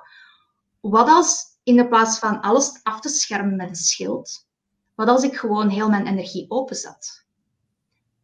En sindsdien heb ik geen last meer van mijn gevoeligheid, want ik hoef niks meer af te schermen hetgeen ik doe als ik boodschappen ga, ga doen of ik ga in de buitenwereld, onder de mensen. Ik, ik zet heel mijn systeem open. En er stroomt zoveel uit, en zoveel uit en uit en uit, dat, dat mensen zoiets hebben van het is te veel en dan lopen ze weg. Ja, want dat, dat vraagt me dan wel af. Je kunt zeggen van nou, ik ga lekker uh, erop uit, maar als je jezelf hem openzet, uh, dat is ook best wel uh, ja, ik kan me voorstellen dat je, dat je energie heel, heel snel uh, leegloopt. Klopt dat? Nee, want als, als je muren hebt, dan loop je leeg. Maar als je jezelf openzet ja, waar komt energie vandaan? Niet door te eten, niet door te drinken. Energie komt van, van het universum, vanuit de aarde. Energie is overal. Dus wat als ik mezelf openzet om altijd energie te ontvangen? Altijd vol te zijn, altijd door te stromen. En dat is ook een vereiste om te kunnen channelen. Je moet altijd openstaan. Je moet altijd beschikbaar zijn voor wijsheid, voor energie, voor liefde, om te ontvangen, voor complimenten. En het stroomt door en het stroomt door. En iedereen kan hier in de buurt met hun kopje komen en een kopje komen volschenken en het mee naar huis nemen. Maar ze mogen mij niet leegtrekken. Ongeacht waar je bent, maakt dat ook nog wat uit? Nee. Nee, ik, ik heb, ondertussen heb ik mezelf zo geprogrammeerd, maar dat is ook een stappenplan geweest. Ehm, mijn energie stroomt altijd, ongeacht waar ik ben. En als ik ergens voel dat ik leeg ben, dan weet ik van, oei, ik heb ik heb angst. Ik heb angst voor deze mensen. Waarom ben ik bang? Waarom denk ik dat ze van mij iets komen stelen? Waarom denk ik dat ze mij aanvallen? En dan moet ik dat in mezelf herprogrammeren en dan kan ik terug helemaal openstaan. Ik zag ook een tijdje geleden een video van jou waarin je zei. Ehm, eh, ik, ik, vond het zo opvallend dat als ik ergens in, in het verkeer uh, mezelf begeef, dat mensen dan aan de kant gaan. Omdat ze dat die hoge energie van jou, zeg maar, zo uh, uh, toch onbewust waarnemen? Ehm, ik, als ik in mijn auto stap, mijn auto is een verlengstuk van mezelf. En ik zie dat ook zo. En, en ik, knuffel met een auto ook. En ik geef die heel veel complimenten en ik zeg dankjewel, dankjewel. En dan stap ik in mijn auto en dat heb ik ook geprogrammeerd. Mijn energie gaat voor mij. Dus als we op, op zo van die bottlenecks komen, mijn energie houdt aan de andere kant het verkeer tegen, zodat ik erdoor kan. Als ik aan een kruispunt kom en energie houdt iedereen tegen, zodat ik verder kan. Maar dat is een, een proces geweest van lange adem. Het is zo leuk dat je het zegt. Ik heb het ook wel eens gehad. Het is gewoon tijdens het lopen. Dat je merkt van, hé, hey, mijn energie uh, matcht niet helemaal met waar, ik ben. Soms ben je zelf al verder, is je energie verder dan jij. Of, of blijft achter. Herken je dat? Ja. Dus dat is, dat is heel, heel gek om te merken. Dan denk ik van, nou, ik, ik ben nu eigenlijk, ja, mijn lichaam is daar, maar het, het, is, het is niet helemaal uh, zoals het hoort, zoals je het gewend bent. Dat is, dat is nou ja. Ja, en, en dat is ook de voorloper van remote viewing, waar oh, je ergens anders op de wereld een, een gebouw binnen kan en daar gaan kijken wat er gebeurt. Kan je ook trainen. Ja, um, ja er zijn dus... hele, hele, ja, hele trainingen voor. Hè? Op, op YouTube is het volgens mij staat er eentje iemand die je daarin kan helpen. Oh, echt? Ja, ik heb het een keer gezien van een Amerikaan uh, die dat uh, gedaan heeft. Dat is uh, ook een militaire operatie eigenlijk. Hè? Dat is dat, dat ja. jarenlang in, in Amerika al mee geëxperimenteerd. ja, ja. Het, het enige wat ik daar wel voor wil waarschuwen, die dingen, je kan dat allemaal doen, maar als je dat doet vooraleer dat je daar klaar voor bent op zielsniveau, dan kan het terugkomen als een boemerang. En we mogen al die dingen doen op het moment dat je er klaar voor bent en op het moment dat je die dingen verdiend hebt. Als je die dingen gaat trainen, vooraleer dat je daar het volledige mentale en spirituele verstand voor hebt, dan kunnen die dingen averechts gaan werken. Het is een kwestie van herinneren. Ik, ik kan remote viewing doen, ik kan astraal projecteren, omdat het naar mij is gekomen op het moment dat ik het mocht doen. Oké. We gaan even naar de buitenaardse. Tenminste, dat lijkt me wel een leuk idee. Um, ja, want jij, jij hebt toch, je, hebt, je zei net dat je connectie hebt met de Grace. Uh, tenminste, één ervaring. Maar heb je ook uh, met andere buitenaardse contact? Ik, ik denk dat ik ze allemaal ondertussen gehad heb. Um, de, de Greys zijn gewoon de, de aliens die het dichtst bij de mensheid staan qua DNA, qua... Ze, ze hebben nog echt een, een lichaam. Maar dan heb je de Pleiadiërs, um, die, die, die hebben geen lichamen. Die hebben wel een lichaam, maar die hoeven geen lichaam te hebben. Acturianen staan daarboven, dat zijn dan zo de ouders van de Pleiadiërs. Die, die hebben al helemaal geen vaste vorm meer. Dat is meer een bewustzijn. Um, wie heb ik nog gezien? De, de Reptilians heb ik mee gewerkt. Die hebben zoveel kennis, dat is echt fantastisch. Als je echt jouw diepste duisternis wil en macht en leiderschap en al die dingen, zij kunnen jou daar het best mee helpen. En dan heb je ook nog de Blue Avians en zo van die grote blauwe vogels. Um, die heb ik ook heel kort gehad. Um, maar je hebt ook de draken. Ik heb heel veel met draken gewerkt. Ik heb gewerkt met kabouters. Ik heb zo'n heel koninkrijk moeten stichten bij de kabouters, uh, bij de elementalen. Ik heb heel veel gewerkt met um, uh, dolfijnen en dan de, de onderwatermensen. En dat is niet ah, omdat ja. ik wou, maar in een droom stond ik gewoon in de zee. Ik werd ondergetrokken en, en het was geef jezelf over alsof het echt was. En, en ik had zo het gevoel dat ik... Dat, dat zijn hele heftige ervaringen. Maar zijn ze echt, zijn ze niet echt? Sommige mensen noemen dat dan psychoses. Um, je wordt daarin getraind. En, en je krijgt die dingen pas op het moment dat je er klaar voor bent. En ik zie ze telepathisch. Ik heb, ik heb er ooit, The Grace heb ik in mijn kindertijd gezien, weet ik nog, als echt een, een lichaam. Um, De rest is allemaal telepathisch. En de, de ruimteschepen heb ik wel gezien in het echt. Dus ik zie heel veel UFO's. Ja. Als bevestiging. Ja. Maar is dit, je zegt... Oh ja, sorry. Doe maar. Nou, moet je dan, uh, want ze zeggen ook wel vaak dat je op een soort van gelijk uh, hoogte, op een gelijk niveau dan met, uh, met die entiteiten moet communiceren. Want als je, als je ze gaat aanbidden of zo, dan, dan gaat het eigenlijk mis. Ja, oh, dan gaat het mis. Oh ja. Je, je moet er een gesprek mee hebben, alsof het jouw gelijke is. Je, je bent niet meer, je bent niet minder, je bent gelijk en jouw frequentie moet omhoog. Um, de reden waarom heel veel mensen met de Grace kunnen werken, is omdat dat de laagste frequentie van aliens is. En dan ga je naar de Pleiadiërs. Maar het is niet de Pleiadiërs die naar jou komen, het is jij die verhoogt in bewustzijn, verhoogt in frequentie, verhoogt in, in jouw lichaam, om met hen te mogen communiceren. Het is niet andersom.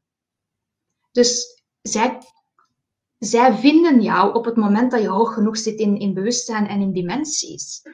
En, en dan zijn het jouw gelijken. Je moet daar enorm veel respect voor hebben, maar je mag ze niet aanbieden. En ze hebben jou enorm veel te leren, maar ze zijn ook hele harde leermeesters. Het, is niet zoals op aarde dat je zegt van, oké, um, we doen iets en het is niet helemaal in orde, we kijken het door de vingers en gaan maar verder. Nee, het is daar, dit, dit zijn jouw 100 vinkjes, heb je er 99 en één niet, ja, spijtig. Dat dat ene moeten we ook hebben. En dan pas mag je verder. Dus... Hmm. En, en waar, waar, zit, waar zit je, je hogere zelf of je ziel? Zit, eh, zit die ook nog ergens in die, in die rangorde? Of zit die helemaal bovenin? Jouw ziel is alles. Jouw ziel is zo alles. En, en de bedoeling is dat, dat we onze ziel in ons lichaam proppen. Of toch een stuk. Want heel, heel dat ding raakt er niet in. Maar de bedoeling is eigenlijk dat je jouw hogere zelf wordt. Dus je kan, je kan jouw leven zien als een ladder. Dimensie is als een ladder. En bovenaan heb je jouw tempel. En al die stapjes ertussen zijn allemaal opdrachten die je moet doen om jouw ziel meer in jezelf te krijgen. Dus eigenlijk moet je ruimte maken in jouw lichaam. En welke ruimte? Niet door minder te eten, maar door emoties los te laten, alle lage frequenties los te laten en door heel veel te doen. Als, als er in jouw hoofd een idee komt, schrijf een boek, dan schrijf je dat boek. En zo word je getraind dat je meer en meer waardig wordt voor, om hun opdrachten op te volgen. Dus je moet loslaten, maar je moet ook vertrouwen en je moet doen en je moet de leiding volgen die in jou zit. Jouw intuïtie geeft jou opdrachten die je moet uitvoeren. En je moet daarvoor door al jouw angsten gaan, die moet je loslaten. Door al jouw pijnen, die moet je loslaten. Door al jouw schuld, schaamte, verdriet, trauma's, heel jouw verleden. Al die boosheid, daar moet je door.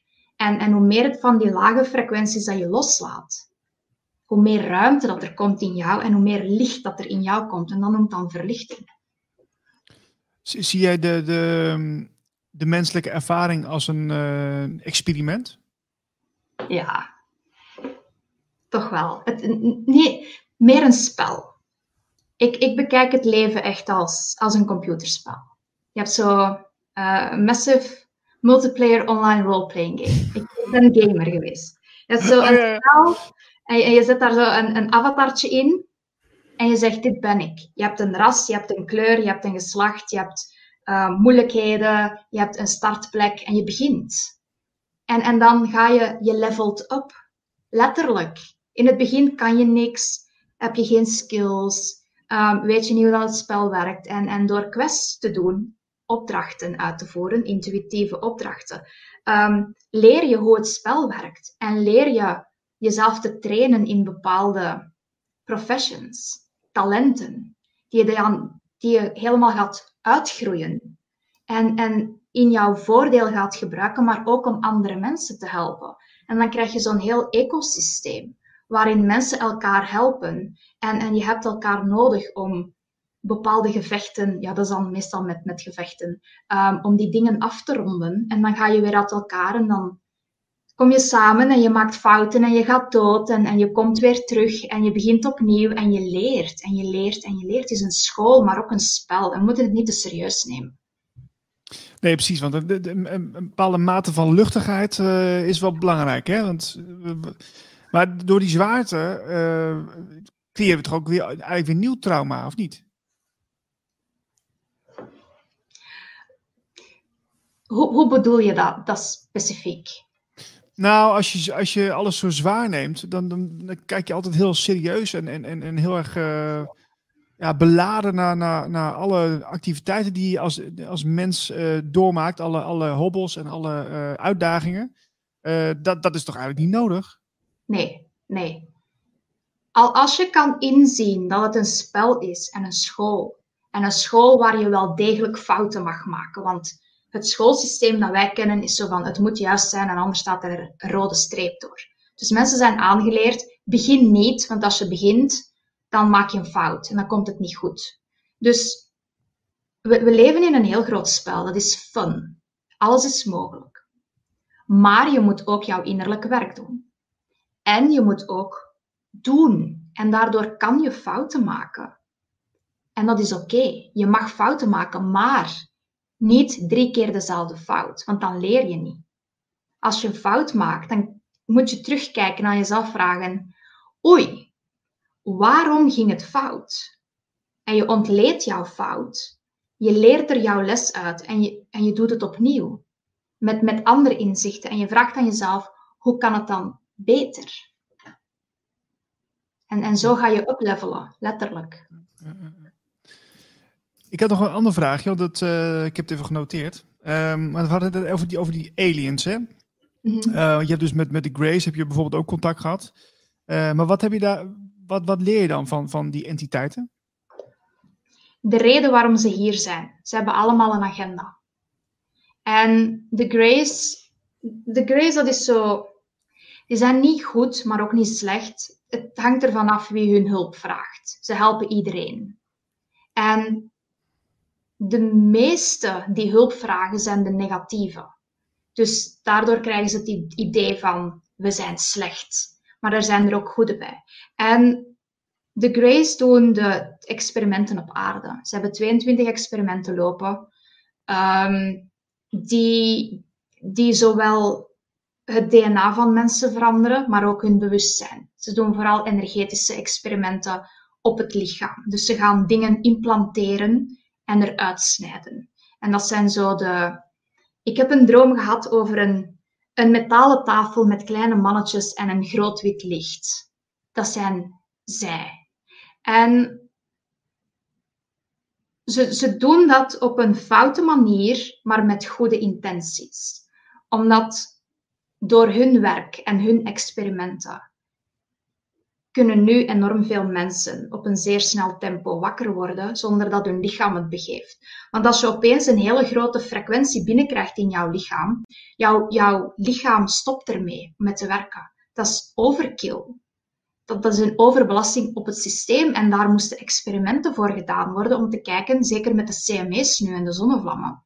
Als al dat licht binnenkomt, ja, het, het laatste dat je wil is dat al die mensen in coma gaan. En daarvoor zijn een deel van die experimenten.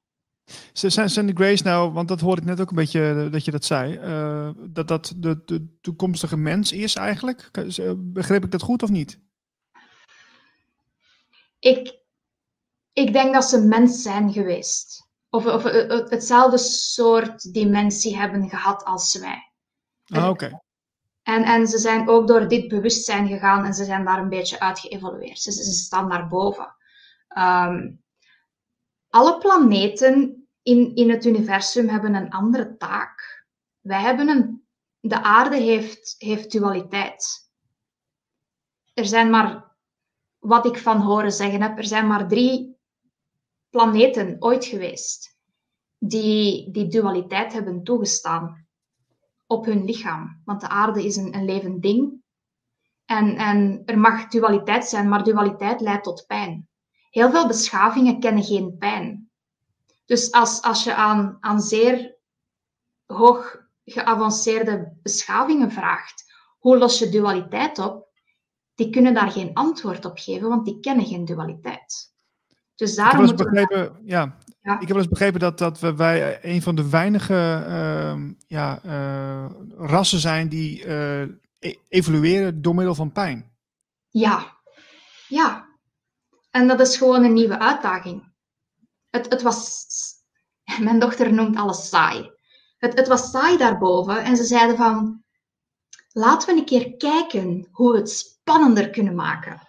Mm. En, en wij zijn de derde reeks, want de, de twee vorige experimenten zijn compleet fataal afgelopen. Dus dit is experiment drie voor dualiteit, om te zien um, als er duisternis is, wat gebeurt er met mensen en kunnen we evolueren in de duisternis. En tot nu toe een beetje, met hulp wel. Maar hadden ze ons met rust gelaten, de aarde had al lang niet meer bestaan. Eigenlijk is het hartstikke gaaf natuurlijk, hè? dat we gewoon uh, in, dit, uh, ja, in, in, dit spel zitten. En er wordt volgens mij, wat ik ook wel eens heb begrepen, er wordt, wordt echt uh, nou, flink meegekeken naar dit tafereel.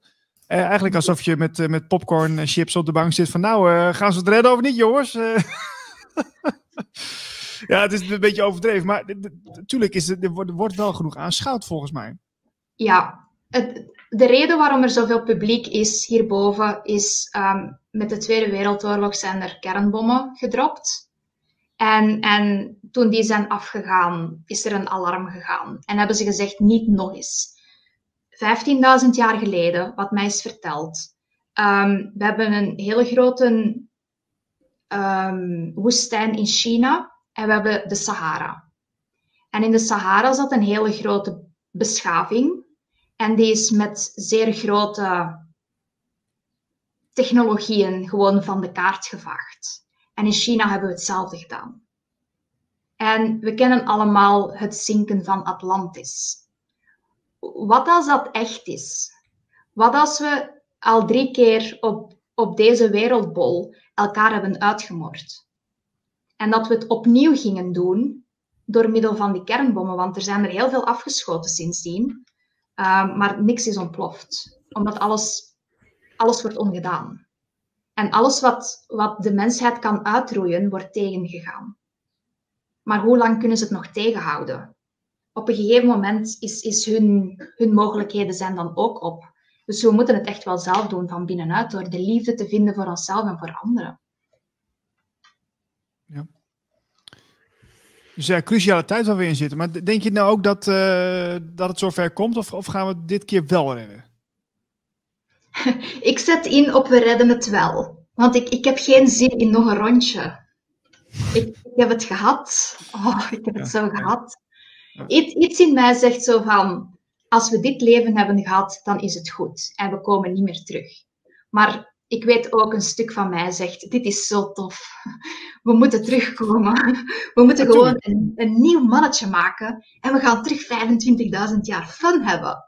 Yay! Ja, goed, je zegt nieuw mannetje maken. Wie, maar wie maakt dat dan? Want er zijn, ik hoor ook verhalen dat, uh, dat de mens is, is gecreëerd door, door verschillende rassen, wordt gezegd. Ja. Uh, de, de, zie je dat ook zo? Of, of? De, de oorspronkelijke mensen zijn, zijn hier gezet op de aarde door de verschillende rassen, maar dat hoe, hoe, oud zijn de menselijke resten die ze hebben gevonden? 200.000 jaar oud. Dus wat als het 200.000 jaar geleden dat we geplant zijn? Ze noemen dat planten. De mensen zijn geplant door middel van verschillende rassen en dan had je gebieden. Je had China en daar zat dan een bergketen tussen en dan had je Europa. En dan heb je een zee en dan heb je Afrika en dan heb je Australië, dat ook was afgescheiden. En dan heb je Noord- en Zuid-Amerika. En iedereen alle rassen die naar hier zijn gekomen hadden hun eigen gebied. En dan zijn mensen beginnen overlopen, over de berg, over de oceaan. En dat is wanneer dat de problemen zijn begonnen. Dus als, en dan is het discriminatie. Wij zijn verder geëvolueerd dan jullie. Dus ja, wij willen dat niet. Wij zijn boos, dus nu gaan we jou aanvallen. Nee, laten we gewoon tolerant zijn. En wat was de, de vraag? Want... Oh, uh, Marlijn, was de vraag? dat is de beantwoord. De vraag, uh, de vraag was uh, dat wij uh, een soort combinatie zijn van al, die, ja. al die rassen. En, we, en nou, we zijn over al die bergketens gelopen en we hebben met elkaar gemixt, laten ja. we zeggen. Maar in het begin hadden we dus allemaal andere combinaties. Je had, een, ja. een, aantal rassen, mensenrassen, die dan net even wat meer, uh, een snufje meer uh, Pleiadiën erin hadden en een snufje meer dat. En, uh, ja. Absoluut. Uh, Marike, kun je dat ook aan mensen zien? of is het meer dat je het energetisch kunt waarnemen, waar, waar, waar, waar mensen aan verwant zijn? Iemand die meer Pleiadian is of meer Arcturian, of, of, of is dat heel moeilijk te zeggen? Ik kijk niet naar zo'n dingen. Nee, nee. Um, het, voor mij is iedereen mens. Ik, ik weet wel, er zijn, er zijn rassen die heel erg gelijken op de Mayas. Of op de mensen uit Peru. Er zijn rassen die, die qua uiterlijk bijna exact hetzelfde zijn. Je hebt de Nordic Whites. Uh, de mensen van Zweden, witte haren, blauwe ogen, Nordic Whites. Mensen hier zijn meer Pleiades. Um, je hebt de Aboriginals, je hebt de Indianen, je hebt de mensen uit India. Um, je hebt Chinezen, die hebben allemaal hun eigen rassen. En die lijken daarop. Niet, niet zeer specifiek, maar die hebben daar zeer, um, zeer veel gelijkenissen van. En er zijn ook bepaalde rassen die, die zo gelijken op ons, dat als ze gewoon over straat zouden lopen, je zou ze niet herkennen. Je zou niet zeggen van, hé, hey, dat zijn aliens. Nee, die zijn zo gelijkaardig. Dus ik, ik zie zo'n dingen niet. Omdat ik daar ook, ik heb daar geen behoefte aan om die dingen te zien. Dat is voor mij geen. Maar er zijn, er zijn er die dat kunnen zien aan de energie, wie dat wat is en zo. Dus. Ja, uh, Soerin S uh, in de chat, die zegt, uh, heel goed, die heeft heel goed opgelet. Die zei van, ja, waar we vandaan komen. Wat de vraag. ja, top. Waar komen we vandaan? Niet van de aarde zelf. We, we zijn wel degelijk geplant als experiment op deze aarde. Met de beste van de beste van de soort waar, waarvan we vandaan komen. En, en wij waren, de, alle mensen die hier aanwezig zijn, je zou dat niet altijd zeggen, maar wij zijn de experten in die dimensies. Wij zijn de beste van de beste die hier verandering komen brengen. Ja, dat vind ik best wel een beetje moeilijk te begrijpen. Als je ziet wat er nu, wat er nu in de wereld gebeurt, dat wij dan toch de uitverkorenen zijn om, uh, om, het, uh, ja, om er toch een goed einde aan te breiden of zo. Ja, een soortje maar, ongeregeld, dat zijn we eigenlijk. Ja, maar, ja. maar je komt naar de aarde, dus, dus je, bent een bewustzijn. En ze zeggen, je gaat naar de aarde, er is dualiteit, er is donker, er is licht, maar niemand kent duisternis. Nie, niemand kent duisternis, niemand kent het niet zichzelf zijn. Dus je komt naar de aarde en er wordt verteld en je hebt gezien wat iedereen doet en dan zit je erin en dan zit je in een duister pak en, en je zegt, ja, wie ben ik? Ik weet het niet. Laat ik gewoon doen wat iedereen anders doet. Maar iedereen doet het verkeerde, dus je gaat gewoon mee het verkeerde doen. Tot als je zoiets hebt van, ja, nu heb ik zoveel pijn. Nu ga, nu ga ik kijken of het aan mij ligt. En dan begin je te evolueren. Maar voor sommigen duurt dat ettelijke levens. En zo is het spel ook ontworpen. Je moet eerst verder en verder en verder en verder afdalen, tot als je jouw niet-zelf hebt gevonden. En pas als je jouw volledige niet-zelf hebt omarmd en daar een leven mee hebt geleerd, dan kan je terug omhoog kruipen. Je moet duisternis kennen. Je moet die fouten hebben gemaakt, want anders kan je het spel niet spelen. Wat, uh, je moet nog even al je dingen pluggen, Marieke, natuurlijk. Dus uh, wat, uh, wat staat er in jouw boek Spiegels, bijvoorbeeld? Um, hoe, hoe het leven werkt. In simpele woorden. Hoe, hoe eigenlijk alles wat je manifesteert jouw eigen schuld is. Ik weet dat mensen dat niet graag horen. Maar eigenlijk is het zo is het wel. Ik heb 800 levens gehad. Ik heb het 800 keer verknoeid. En vandaag betaal ik de prijs. En het lijden dat ik heb gehad in mijn leven, was de prijs die ik moest betalen voor alle fouten die ik had gemaakt in het verleden, vorige levens. En, en ik moet op een dag moet karma vereffend worden. En zolang karma niet vereffend wordt, blijf je lijden. Ah, je zegt 800 keer uh, verknoeid, maar is dat niet een beetje overdreven? Want je hebt toch ook wel goede levens er vaak tussen zitten? Ja, maar wat, wat is succesvol zijn in een leven? Tot, tot jouw zeventigste leven in een, in een plantaardige staat, ja knikken tegen iedereen zonder jezelf te zijn, is, is, is jouw waarheid verkondigen op een manipulatieve, controlerende manier de juiste weg? Wat is goed en wat is fout? Ik ben terug moeten komen, dus ik heb het verknoeid. Op, op hmm. het, ik heb het doel niet gehaald. Dus wat is het doel? Hoe kan ik stoppen met reïncarneren? En zolang ik niet stop met reïncarneren, heb ik het verknoeid. Ik heb misschien beter gedaan dan vorige keer, maar er is nog altijd heel veel fout gelopen.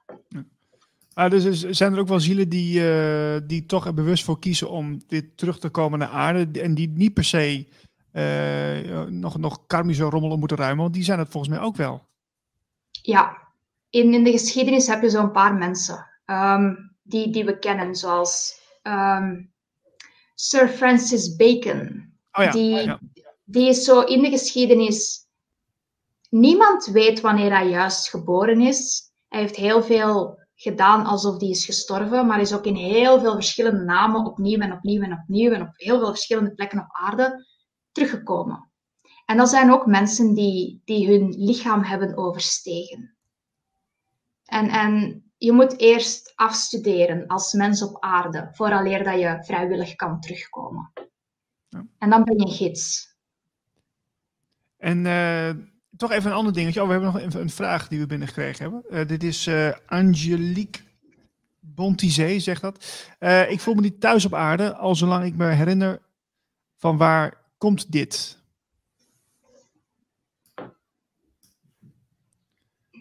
Heel veel mensen denken dat we teruggaan naar de sterren. Ik ben Pleiadier, dus ik ga mijn lichaam ontstijgen en ik ga terug Pleiadisch worden. Maar het is eigenlijk andersom. Ik ben al die rassen en ik aanvaard het feit dat ik vandaag mens ben. Dus om je thuis te voelen op aarde, moet je aanvaarden dat dit jouw pak is. Dat dit jouw thuis is. Jouw thuis is niet ergens anders. Je hebt misschien de herinnering dat je van ergens anders komt. Maar als je jou thuis wil voelen, moet je jezelf accepteren en moet je landen in jouw lichaam. Dus hoe meer dat je jezelf accepteert als zijnde een mens met fouten, een mens met karma, een mens met al die emoties en die tegenstrijdigheden, hoe meer dat je jezelf thuis voelt in jouw lichaam. En dan kan je jouw leven in handen nemen en dan kan je jouw leven manifesteren op de manier waarop dat je wil, omdat je thuis bent in jezelf. Je, je moet in jouw eigen wagen gaan zitten om ergens naartoe te rijden. Veel mensen hebben een wagen en zeggen, ik rijd er naartoe, maar ze stappen niet in, omdat ze zo benauwd zijn van hun eigen duisternis, van hun eigen pijn, van hun eigen angsten en al die schuld en die schaamte en, alles wat dat erin zit. En dat is heel benauwend in het begin. Maar je leert dat stap voor stap om te gronden in jezelf en thuis te komen in jezelf. We gaan niet naar daar. Daar zijn we geweest. Het is omdat we de beste zijn in de gemeenschappen waar dat we vandaan komen, dat dit de volgende stap is. En dit is afstuderen als ziel. Dit, dit is gewoon de next level. En iedereen stond daar om te springen, maar niemand wist dat het zo zwaar ging zijn. Maar het is super cool. ja, precies. Maar eigenlijk zouden we dus heel anders naar ons, uh, ja, ons naar, naar dit momentum moeten kijken. Hè? Dat, we, dat we dus eigenlijk uh, ja, best wel bedoeld zijn om iets belangrijks te doen uh, op aarde. Hè? Om, om, ons, om onszelf uh, te verrijken en om heel veel te leren.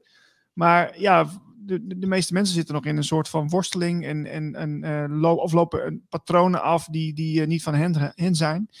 Dus het is wel, ehm, het is echt een gigantische paradigma shift waar we eigenlijk in zitten.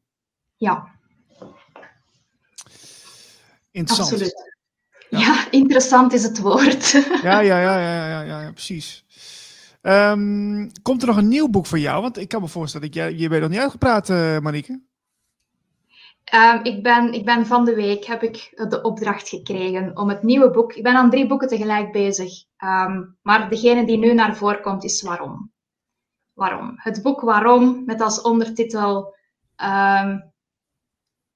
Het woord, met een hoofdletter. Het woord dat de matrix doet barsten. Van binnenuit.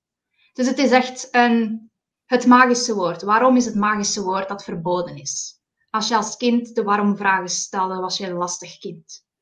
En dan dat is er, op school mag je geen waarom-vragen stellen. Als ik uh, geschiedenis, ik heb leren zwijgen. Ik heb dat heel goed gedaan vroeger. Tot als ik geschiedenisles kreeg over de Egyptenaren. En ze gingen daar met slaven, met boomstammetjes, tonnen blokken van exact mooi uitgesneden met houten houweeltjes en zo. Gingen ze van die keigrote tonnen blokken op boomstammetjes omhoog slepen. En, en ik had zoiets van, ik ken niks van, van ingenieurs of van bouwkunde of van dingen, maar dat klopt niet. Dus ik heb gevraagd, waarom geloof jij dat? Waarom is dat met slaven gedaan? Waarom kunnen ze exacte, mooie, rechte blokken? Er is geen technologie voor.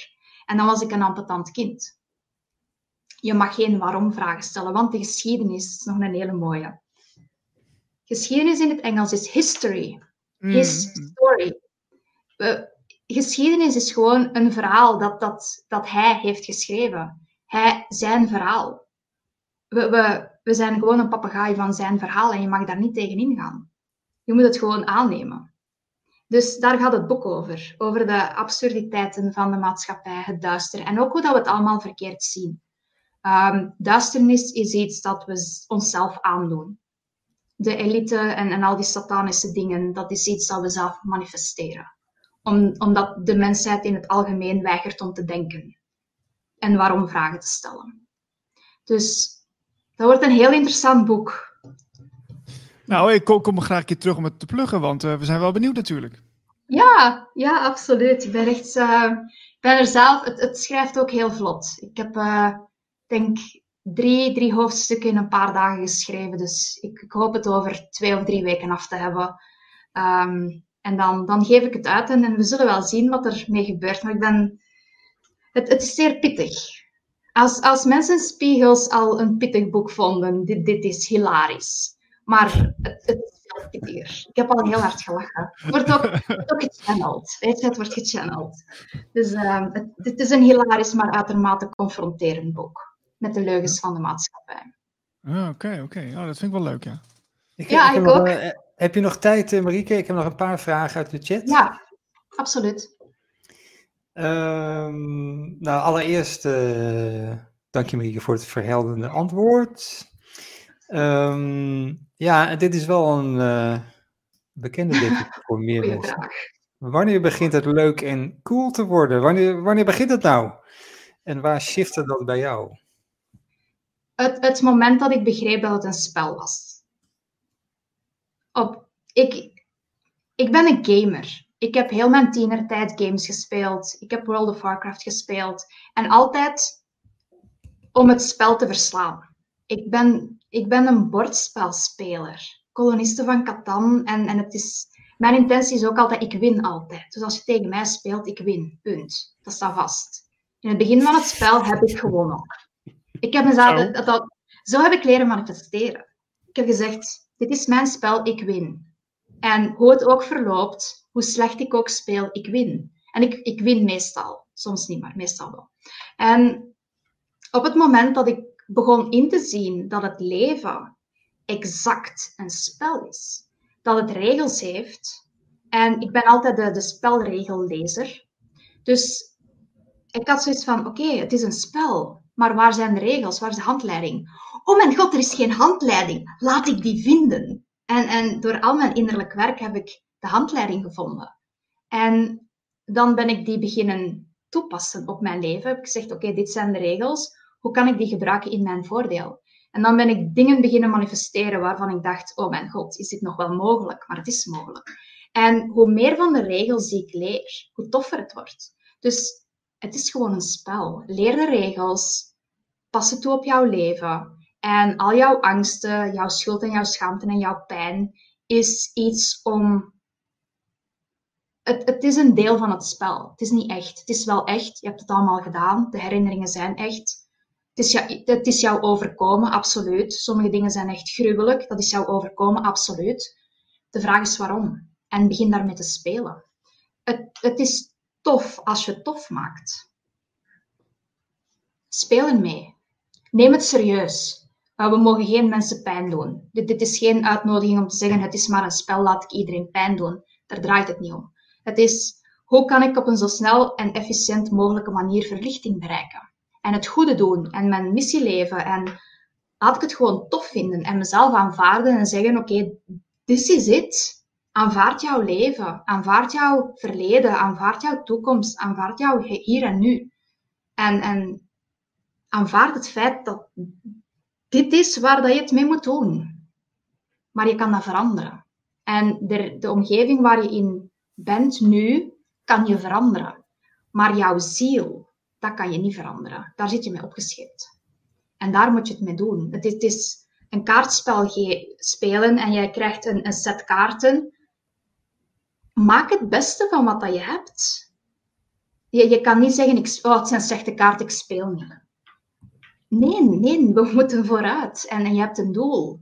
En jouw doel is verlichting. En jouw doel is houden van jezelf. En jouw doel is om de beste versie van jezelf te worden. En om af te studeren. Maar dan moet je de regels kennen. En er naar leven. En actie nemen. Veel doen. Heel veel doen. Vooral doen. De, jouw YouTube-kanaal, eh, die loopt eh, best wel aardig. Is, uh, ga je daar mee door of zeg je van nou, dat, dat, dat zie ik wel? Um, op dit moment ben ik aan het shiften van de energie van de, de laatste reeks video's, die nogal heel anti-maatschappij waren. En, en hoe dat er echt de energie speelde op dat moment van we worden uitgespuwd door de maatschappij en we moeten het doen en we moeten groeien. En nu ben ik door een, door een transformatie aan het gaan. Dus op dit moment kan ik geen video's maken. Uh, maar ik denk vanaf volgende week, misschien de week erop, dat, dat die nieuwe energie bij mij is binnengekomen, dat ik die beter kan voelen. En dat er ook een, een nieuw soort entiteit is die tegen mij gaat zeggen, nu moet je deze video's maken.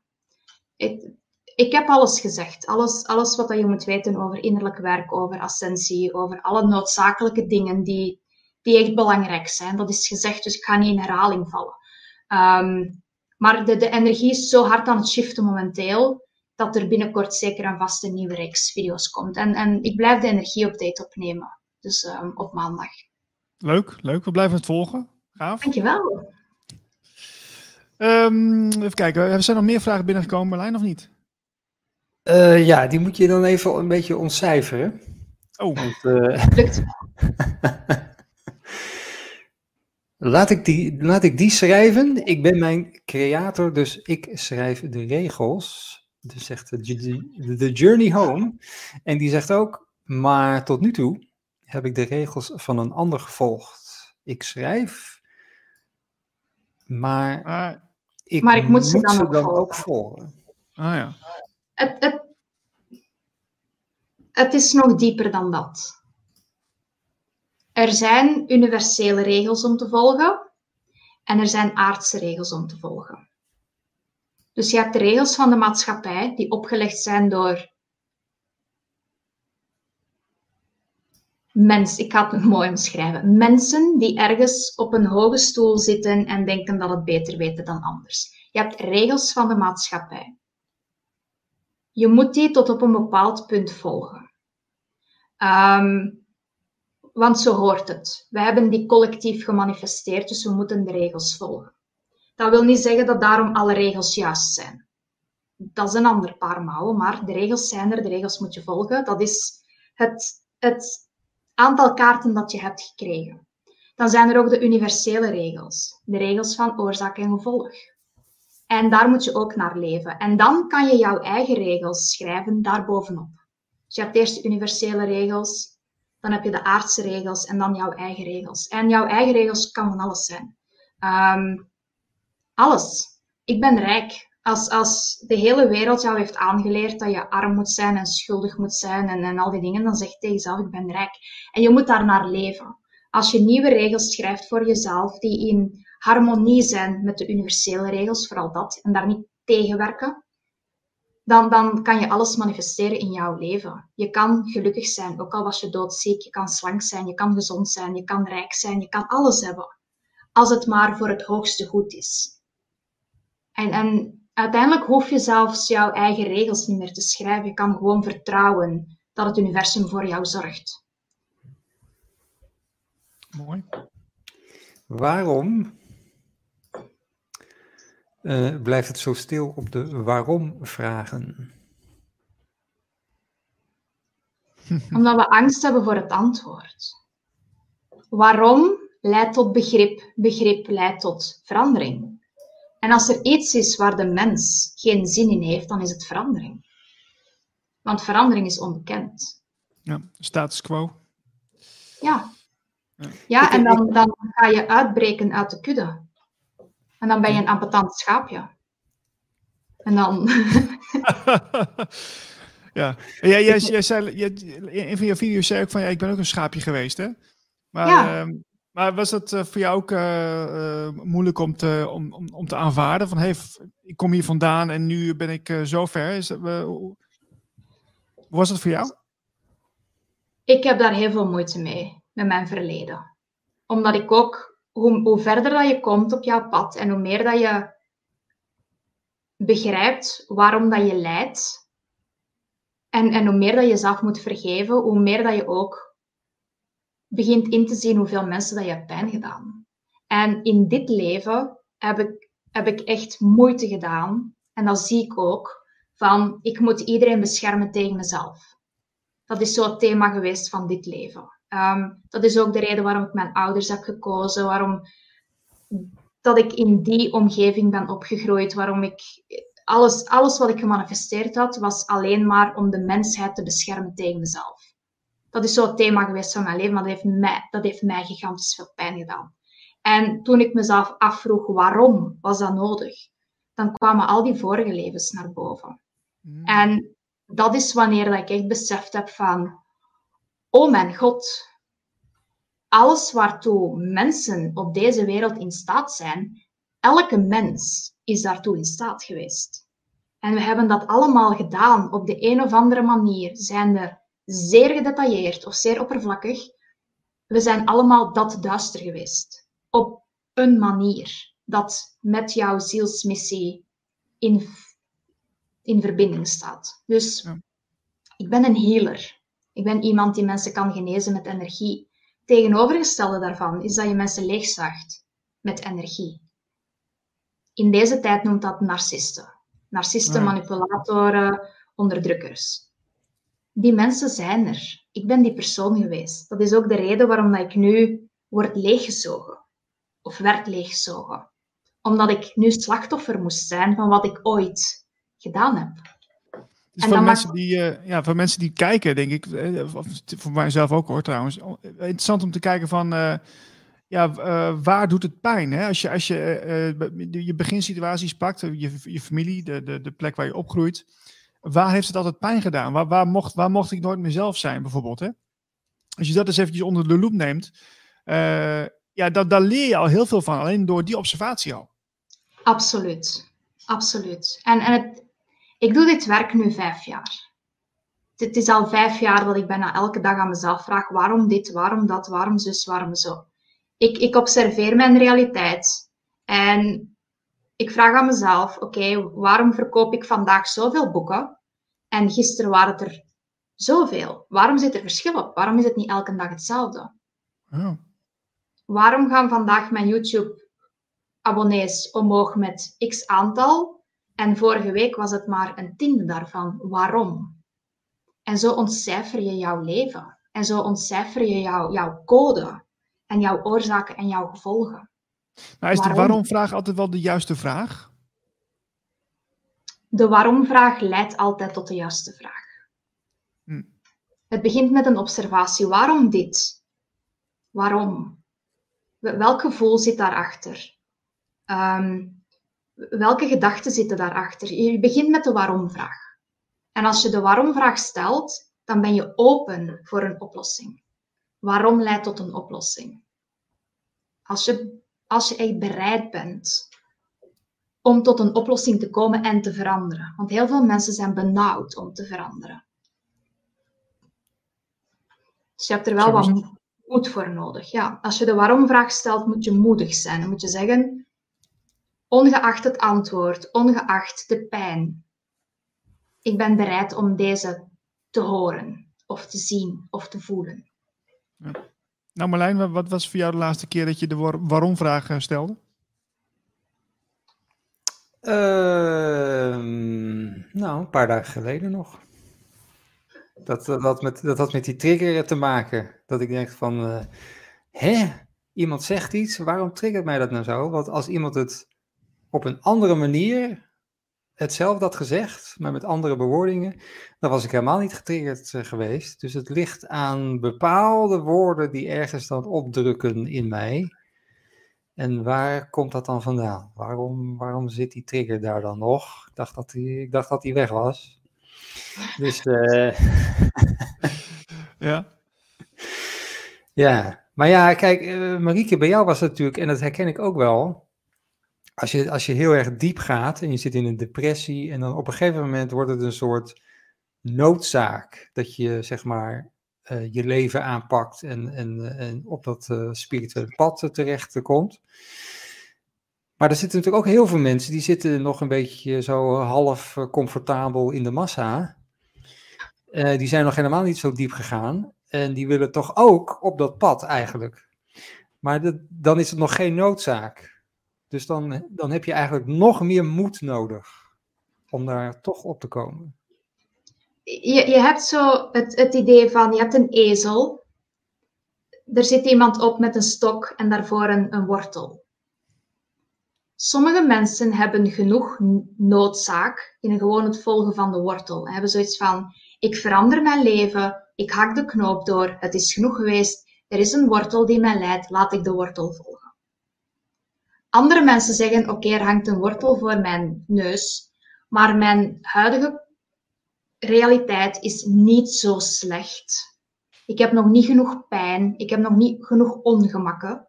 En ik hoef die wortel niet te vervolgen, want die wortel brengt misschien meer pijn. Ik moet vooruit en vooruit is onbekend en ik ben bang van het onbekende. Dus de vraag is, welke angst is het grootste? De angst voor het onbekende of de pijn die je vandaag hebt? En heel veel mensen zijn comfortabel genoeg om niet vooruit te moeten. Je hoeft geen pijn te hebben in jouw leven. Ik werd gemotiveerd op het moment dat mijn lichaam bijna dood was. Uh, dat, dat ik geen liefde kende. Mijn hele omgeving, dat was narcis narcisme. Ik werd overal leeggezogen. Ik had geen waarde, ik had geen geld. Ik had niks meer. Ik was een meid. En dat was voor mij een druppel. Maar ik, ik had die keuze ook tien jaar eerder kunnen maken. Dan had ik zo diep niet moeten gaan. Maar ik moest eerst mezelf compleet stuk maken. Vooraleer ik nog maar een beetje de moed had om te veranderen. Want ik dacht dat ik het probleem was. Ik dacht, als ik mezelf maar genoeg aanpas, dan lost het zichzelf wel op, maar het lost zichzelf niet op. Want het, jij bent niet het probleem, het probleem ligt buiten jou. Dus, dus connecteer met jezelf van binnen en, en je hoeft daar niet mee te wachten. Op het moment dat je zegt het is genoeg geweest, dan moet je vooruit gaan, maar vooruitgaan doet pijn. En voor sommigen doet het zoveel pijn dat het hen verlamt en dat ze zeggen, oh, mijn job is zo slecht nog niet. mijn relatie is zo slecht nog niet. Dat geld, ik heb net genoeg, het is oké. Het is een motivatie van mensen. En, en pijn is een hele grote motivatie om vooruit te komen. Dus hoeveel pijn wil je zelf nog aandoen? Is dan de grote vraag. Ja, zo is het.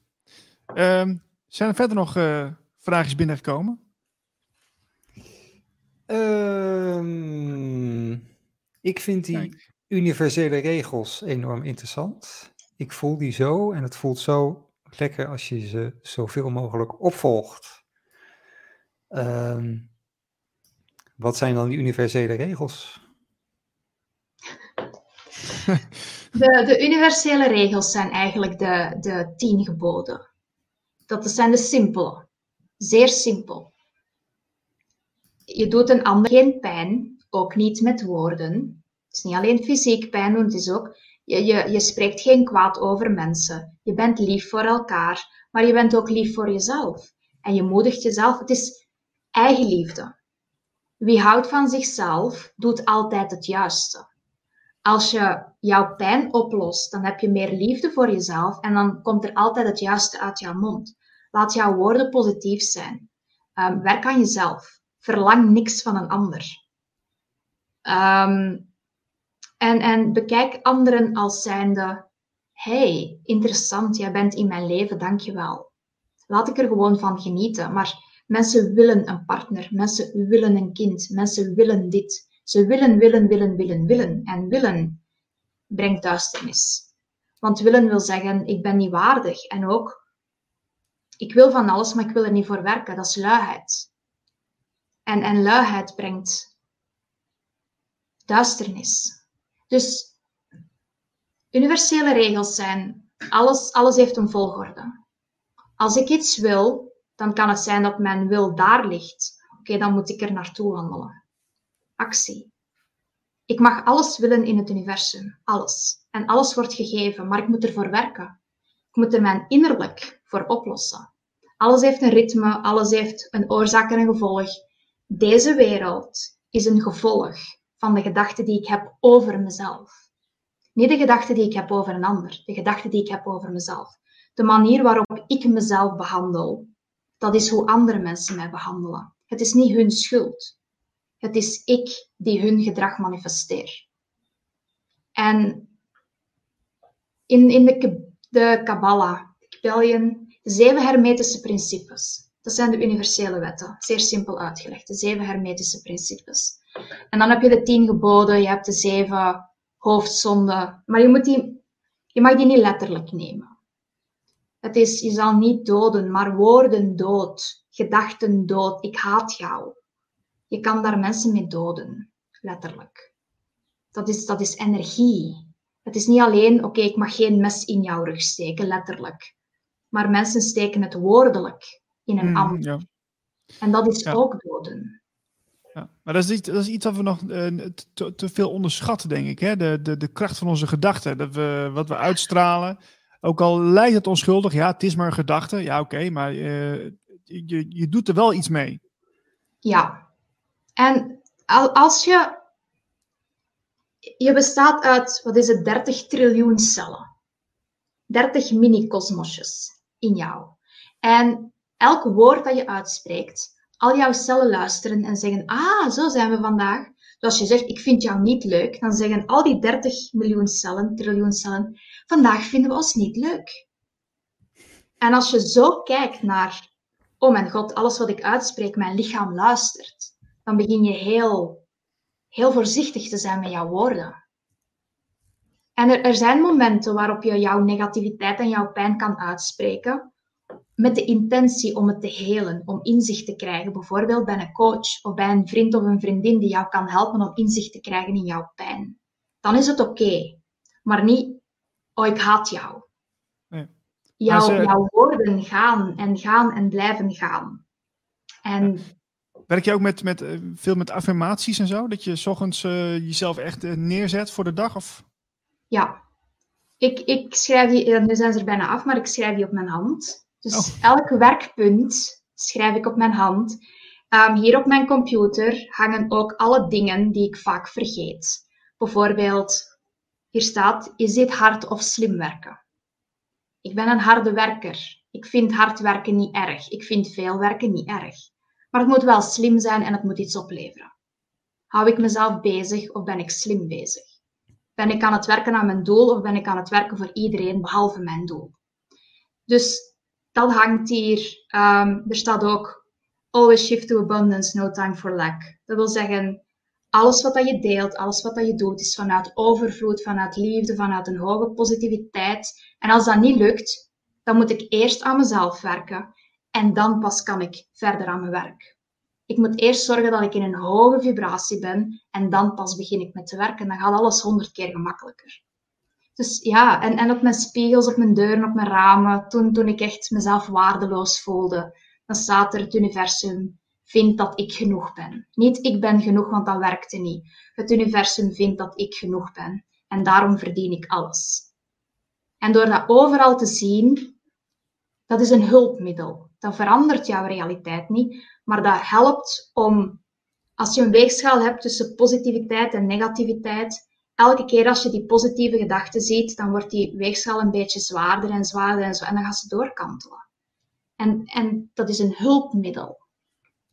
Maar geen wondermiddel, maar wel een hulpmiddel. Dus we, vergeten hoe, hoe fantastisch dat we zijn. Dus herinner jezelf eraan. Dat is een mooie afsluiter. Ja. Ik, ik, had nog, ik had nog één laatste vraag, want dat vraag ik me al heel lang af. Achter jou staat een, uh, een soort uh, tekening, uh, schilderijtje. Aan de andere kant, met een vrouw en een man. En de vrouw is een beetje gelig, ja. En de man is heel...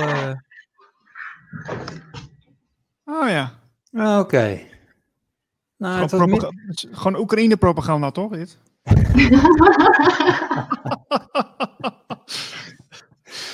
ik, vroeg me achter, ik vroeg me af wat de betekenis daarvan was. Want hij, hij lijkt heel erg eh, donker, maar hij is, uh, hij is eigenlijk gewoon heel blauw. Ja, hij is heel blauw. Het is eigenlijk... Het, het heeft meerdere betekenissen. Ik heb het geschilderd. Ik heb een twin flame, zo het, ding. Um, mijn grootste spiegel. Mensen noemen het een twin flame, ik noem het de grootste ultieme spiegel. En na een ontmoeting met hem heb ik het gewoon geschilderd. Het kwam gewoon door mij door. Ik had zoiets van, ik moet het afbeelden wat ware universele liefde is, zodat ik mezelf eraan kan herinneren waar het om draait. En alles wat dat niet is, schrap ik uit mijn leven. En dat, is, dat staat daar. En elke dag kijk ik ernaar en zeg ik, zo wil ik mij voelen. Ik wil mij beschermd voelen. Ik wil mij geliefd voelen en, en alles en iedereen dat dat niet is, schrap ik. Dus dat is voor mij een visuele, dat is zoals een affirmatie, maar van een visueel geheugensteuntje van dit, dit is wie ik wil zijn, dit is wie ik niet wil zijn. Maar het is ook, het is het universum. Onze, wat mensen noemen het God de Vader, weet ik veel. En je hebt de aarde. En het is zo die innerlijke unie tussen de twee stukken van jezelf.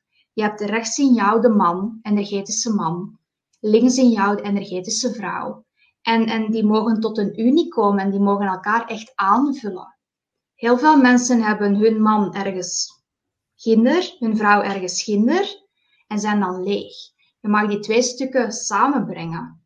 En op een gegeven moment gaan die trouwen. Die gaan dat heel vaak doen, maar altijd op een nieuwe laag. En jouw man en jouw vrouw gaan trouwen en dan kan jouw innerlijk kind helen. En dat ben jij. Dus de man is hier het universum, de vrouw is de aarde, het aardse, het materiële. En die twee dingen mogen voor elkaar zorgen en samenwerken. En dat is zo, dat is liefde. Weten dat je en een ziel bent en een pakketje. En je laat jouw ziel en jouw pakketje samenwerken in de plaats van elkaar te saboteren. En, en dat is zo het, het, ding van wat is liefde?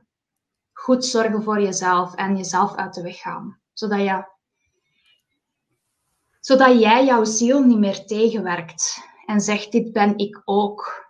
Ik ben en een aardspakketje met heel veel fouten en ik ben een ziel dat alwetend is. En, en wat kan ik doen in de wereld? Hoe, hoe kan ik samenwerken met mezelf en een, een, een, een innerlijk huwelijk sluiten? en er gewoon voor gaan. Zowel op het universele in de energie als op het aardse. En, en geef jezelf een dikke knuffel. heel goed, heel goed. Um, we zitten aan de tijd, uh, Monique. Uh, ik wil je heel erg danken voor, jouw, uh, ja, voor je tijd en voor je, voor je, voor je wijze woorden. ik heb er heel erg van genoten. En ik hoop dat je het ook leuk vond. Ik vond het superwijs. ik, ik, had, ik wist niet waar ik aan moest beginnen en ik heb het nog deze morgen in de nieuwsbrief geschreven.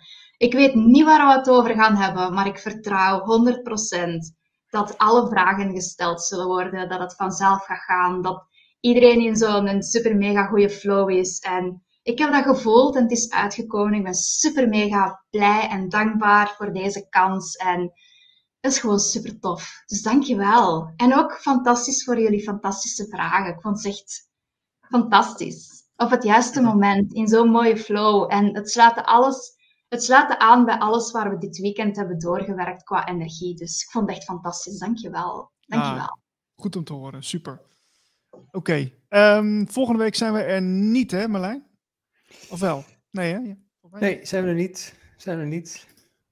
Ik doe even alle bedankjes, uh, zet ik even op het scherm. Dankjewel. Een, een virtuele knuffel voor iedereen. Zo is het. Um, en abonneer je even op de nieuwsbrief van, uh, van Radio Gletscher. Als je wil weten wat uh, de komende tijd allemaal gedaan wordt, dan uh, ben je helemaal op de hoogte. En dus over twee weken zijn we er weer. En iedereen dank voor het kijken. En nou, iedereen een hele fijne zonnige dag. Bye bye. Doei doei.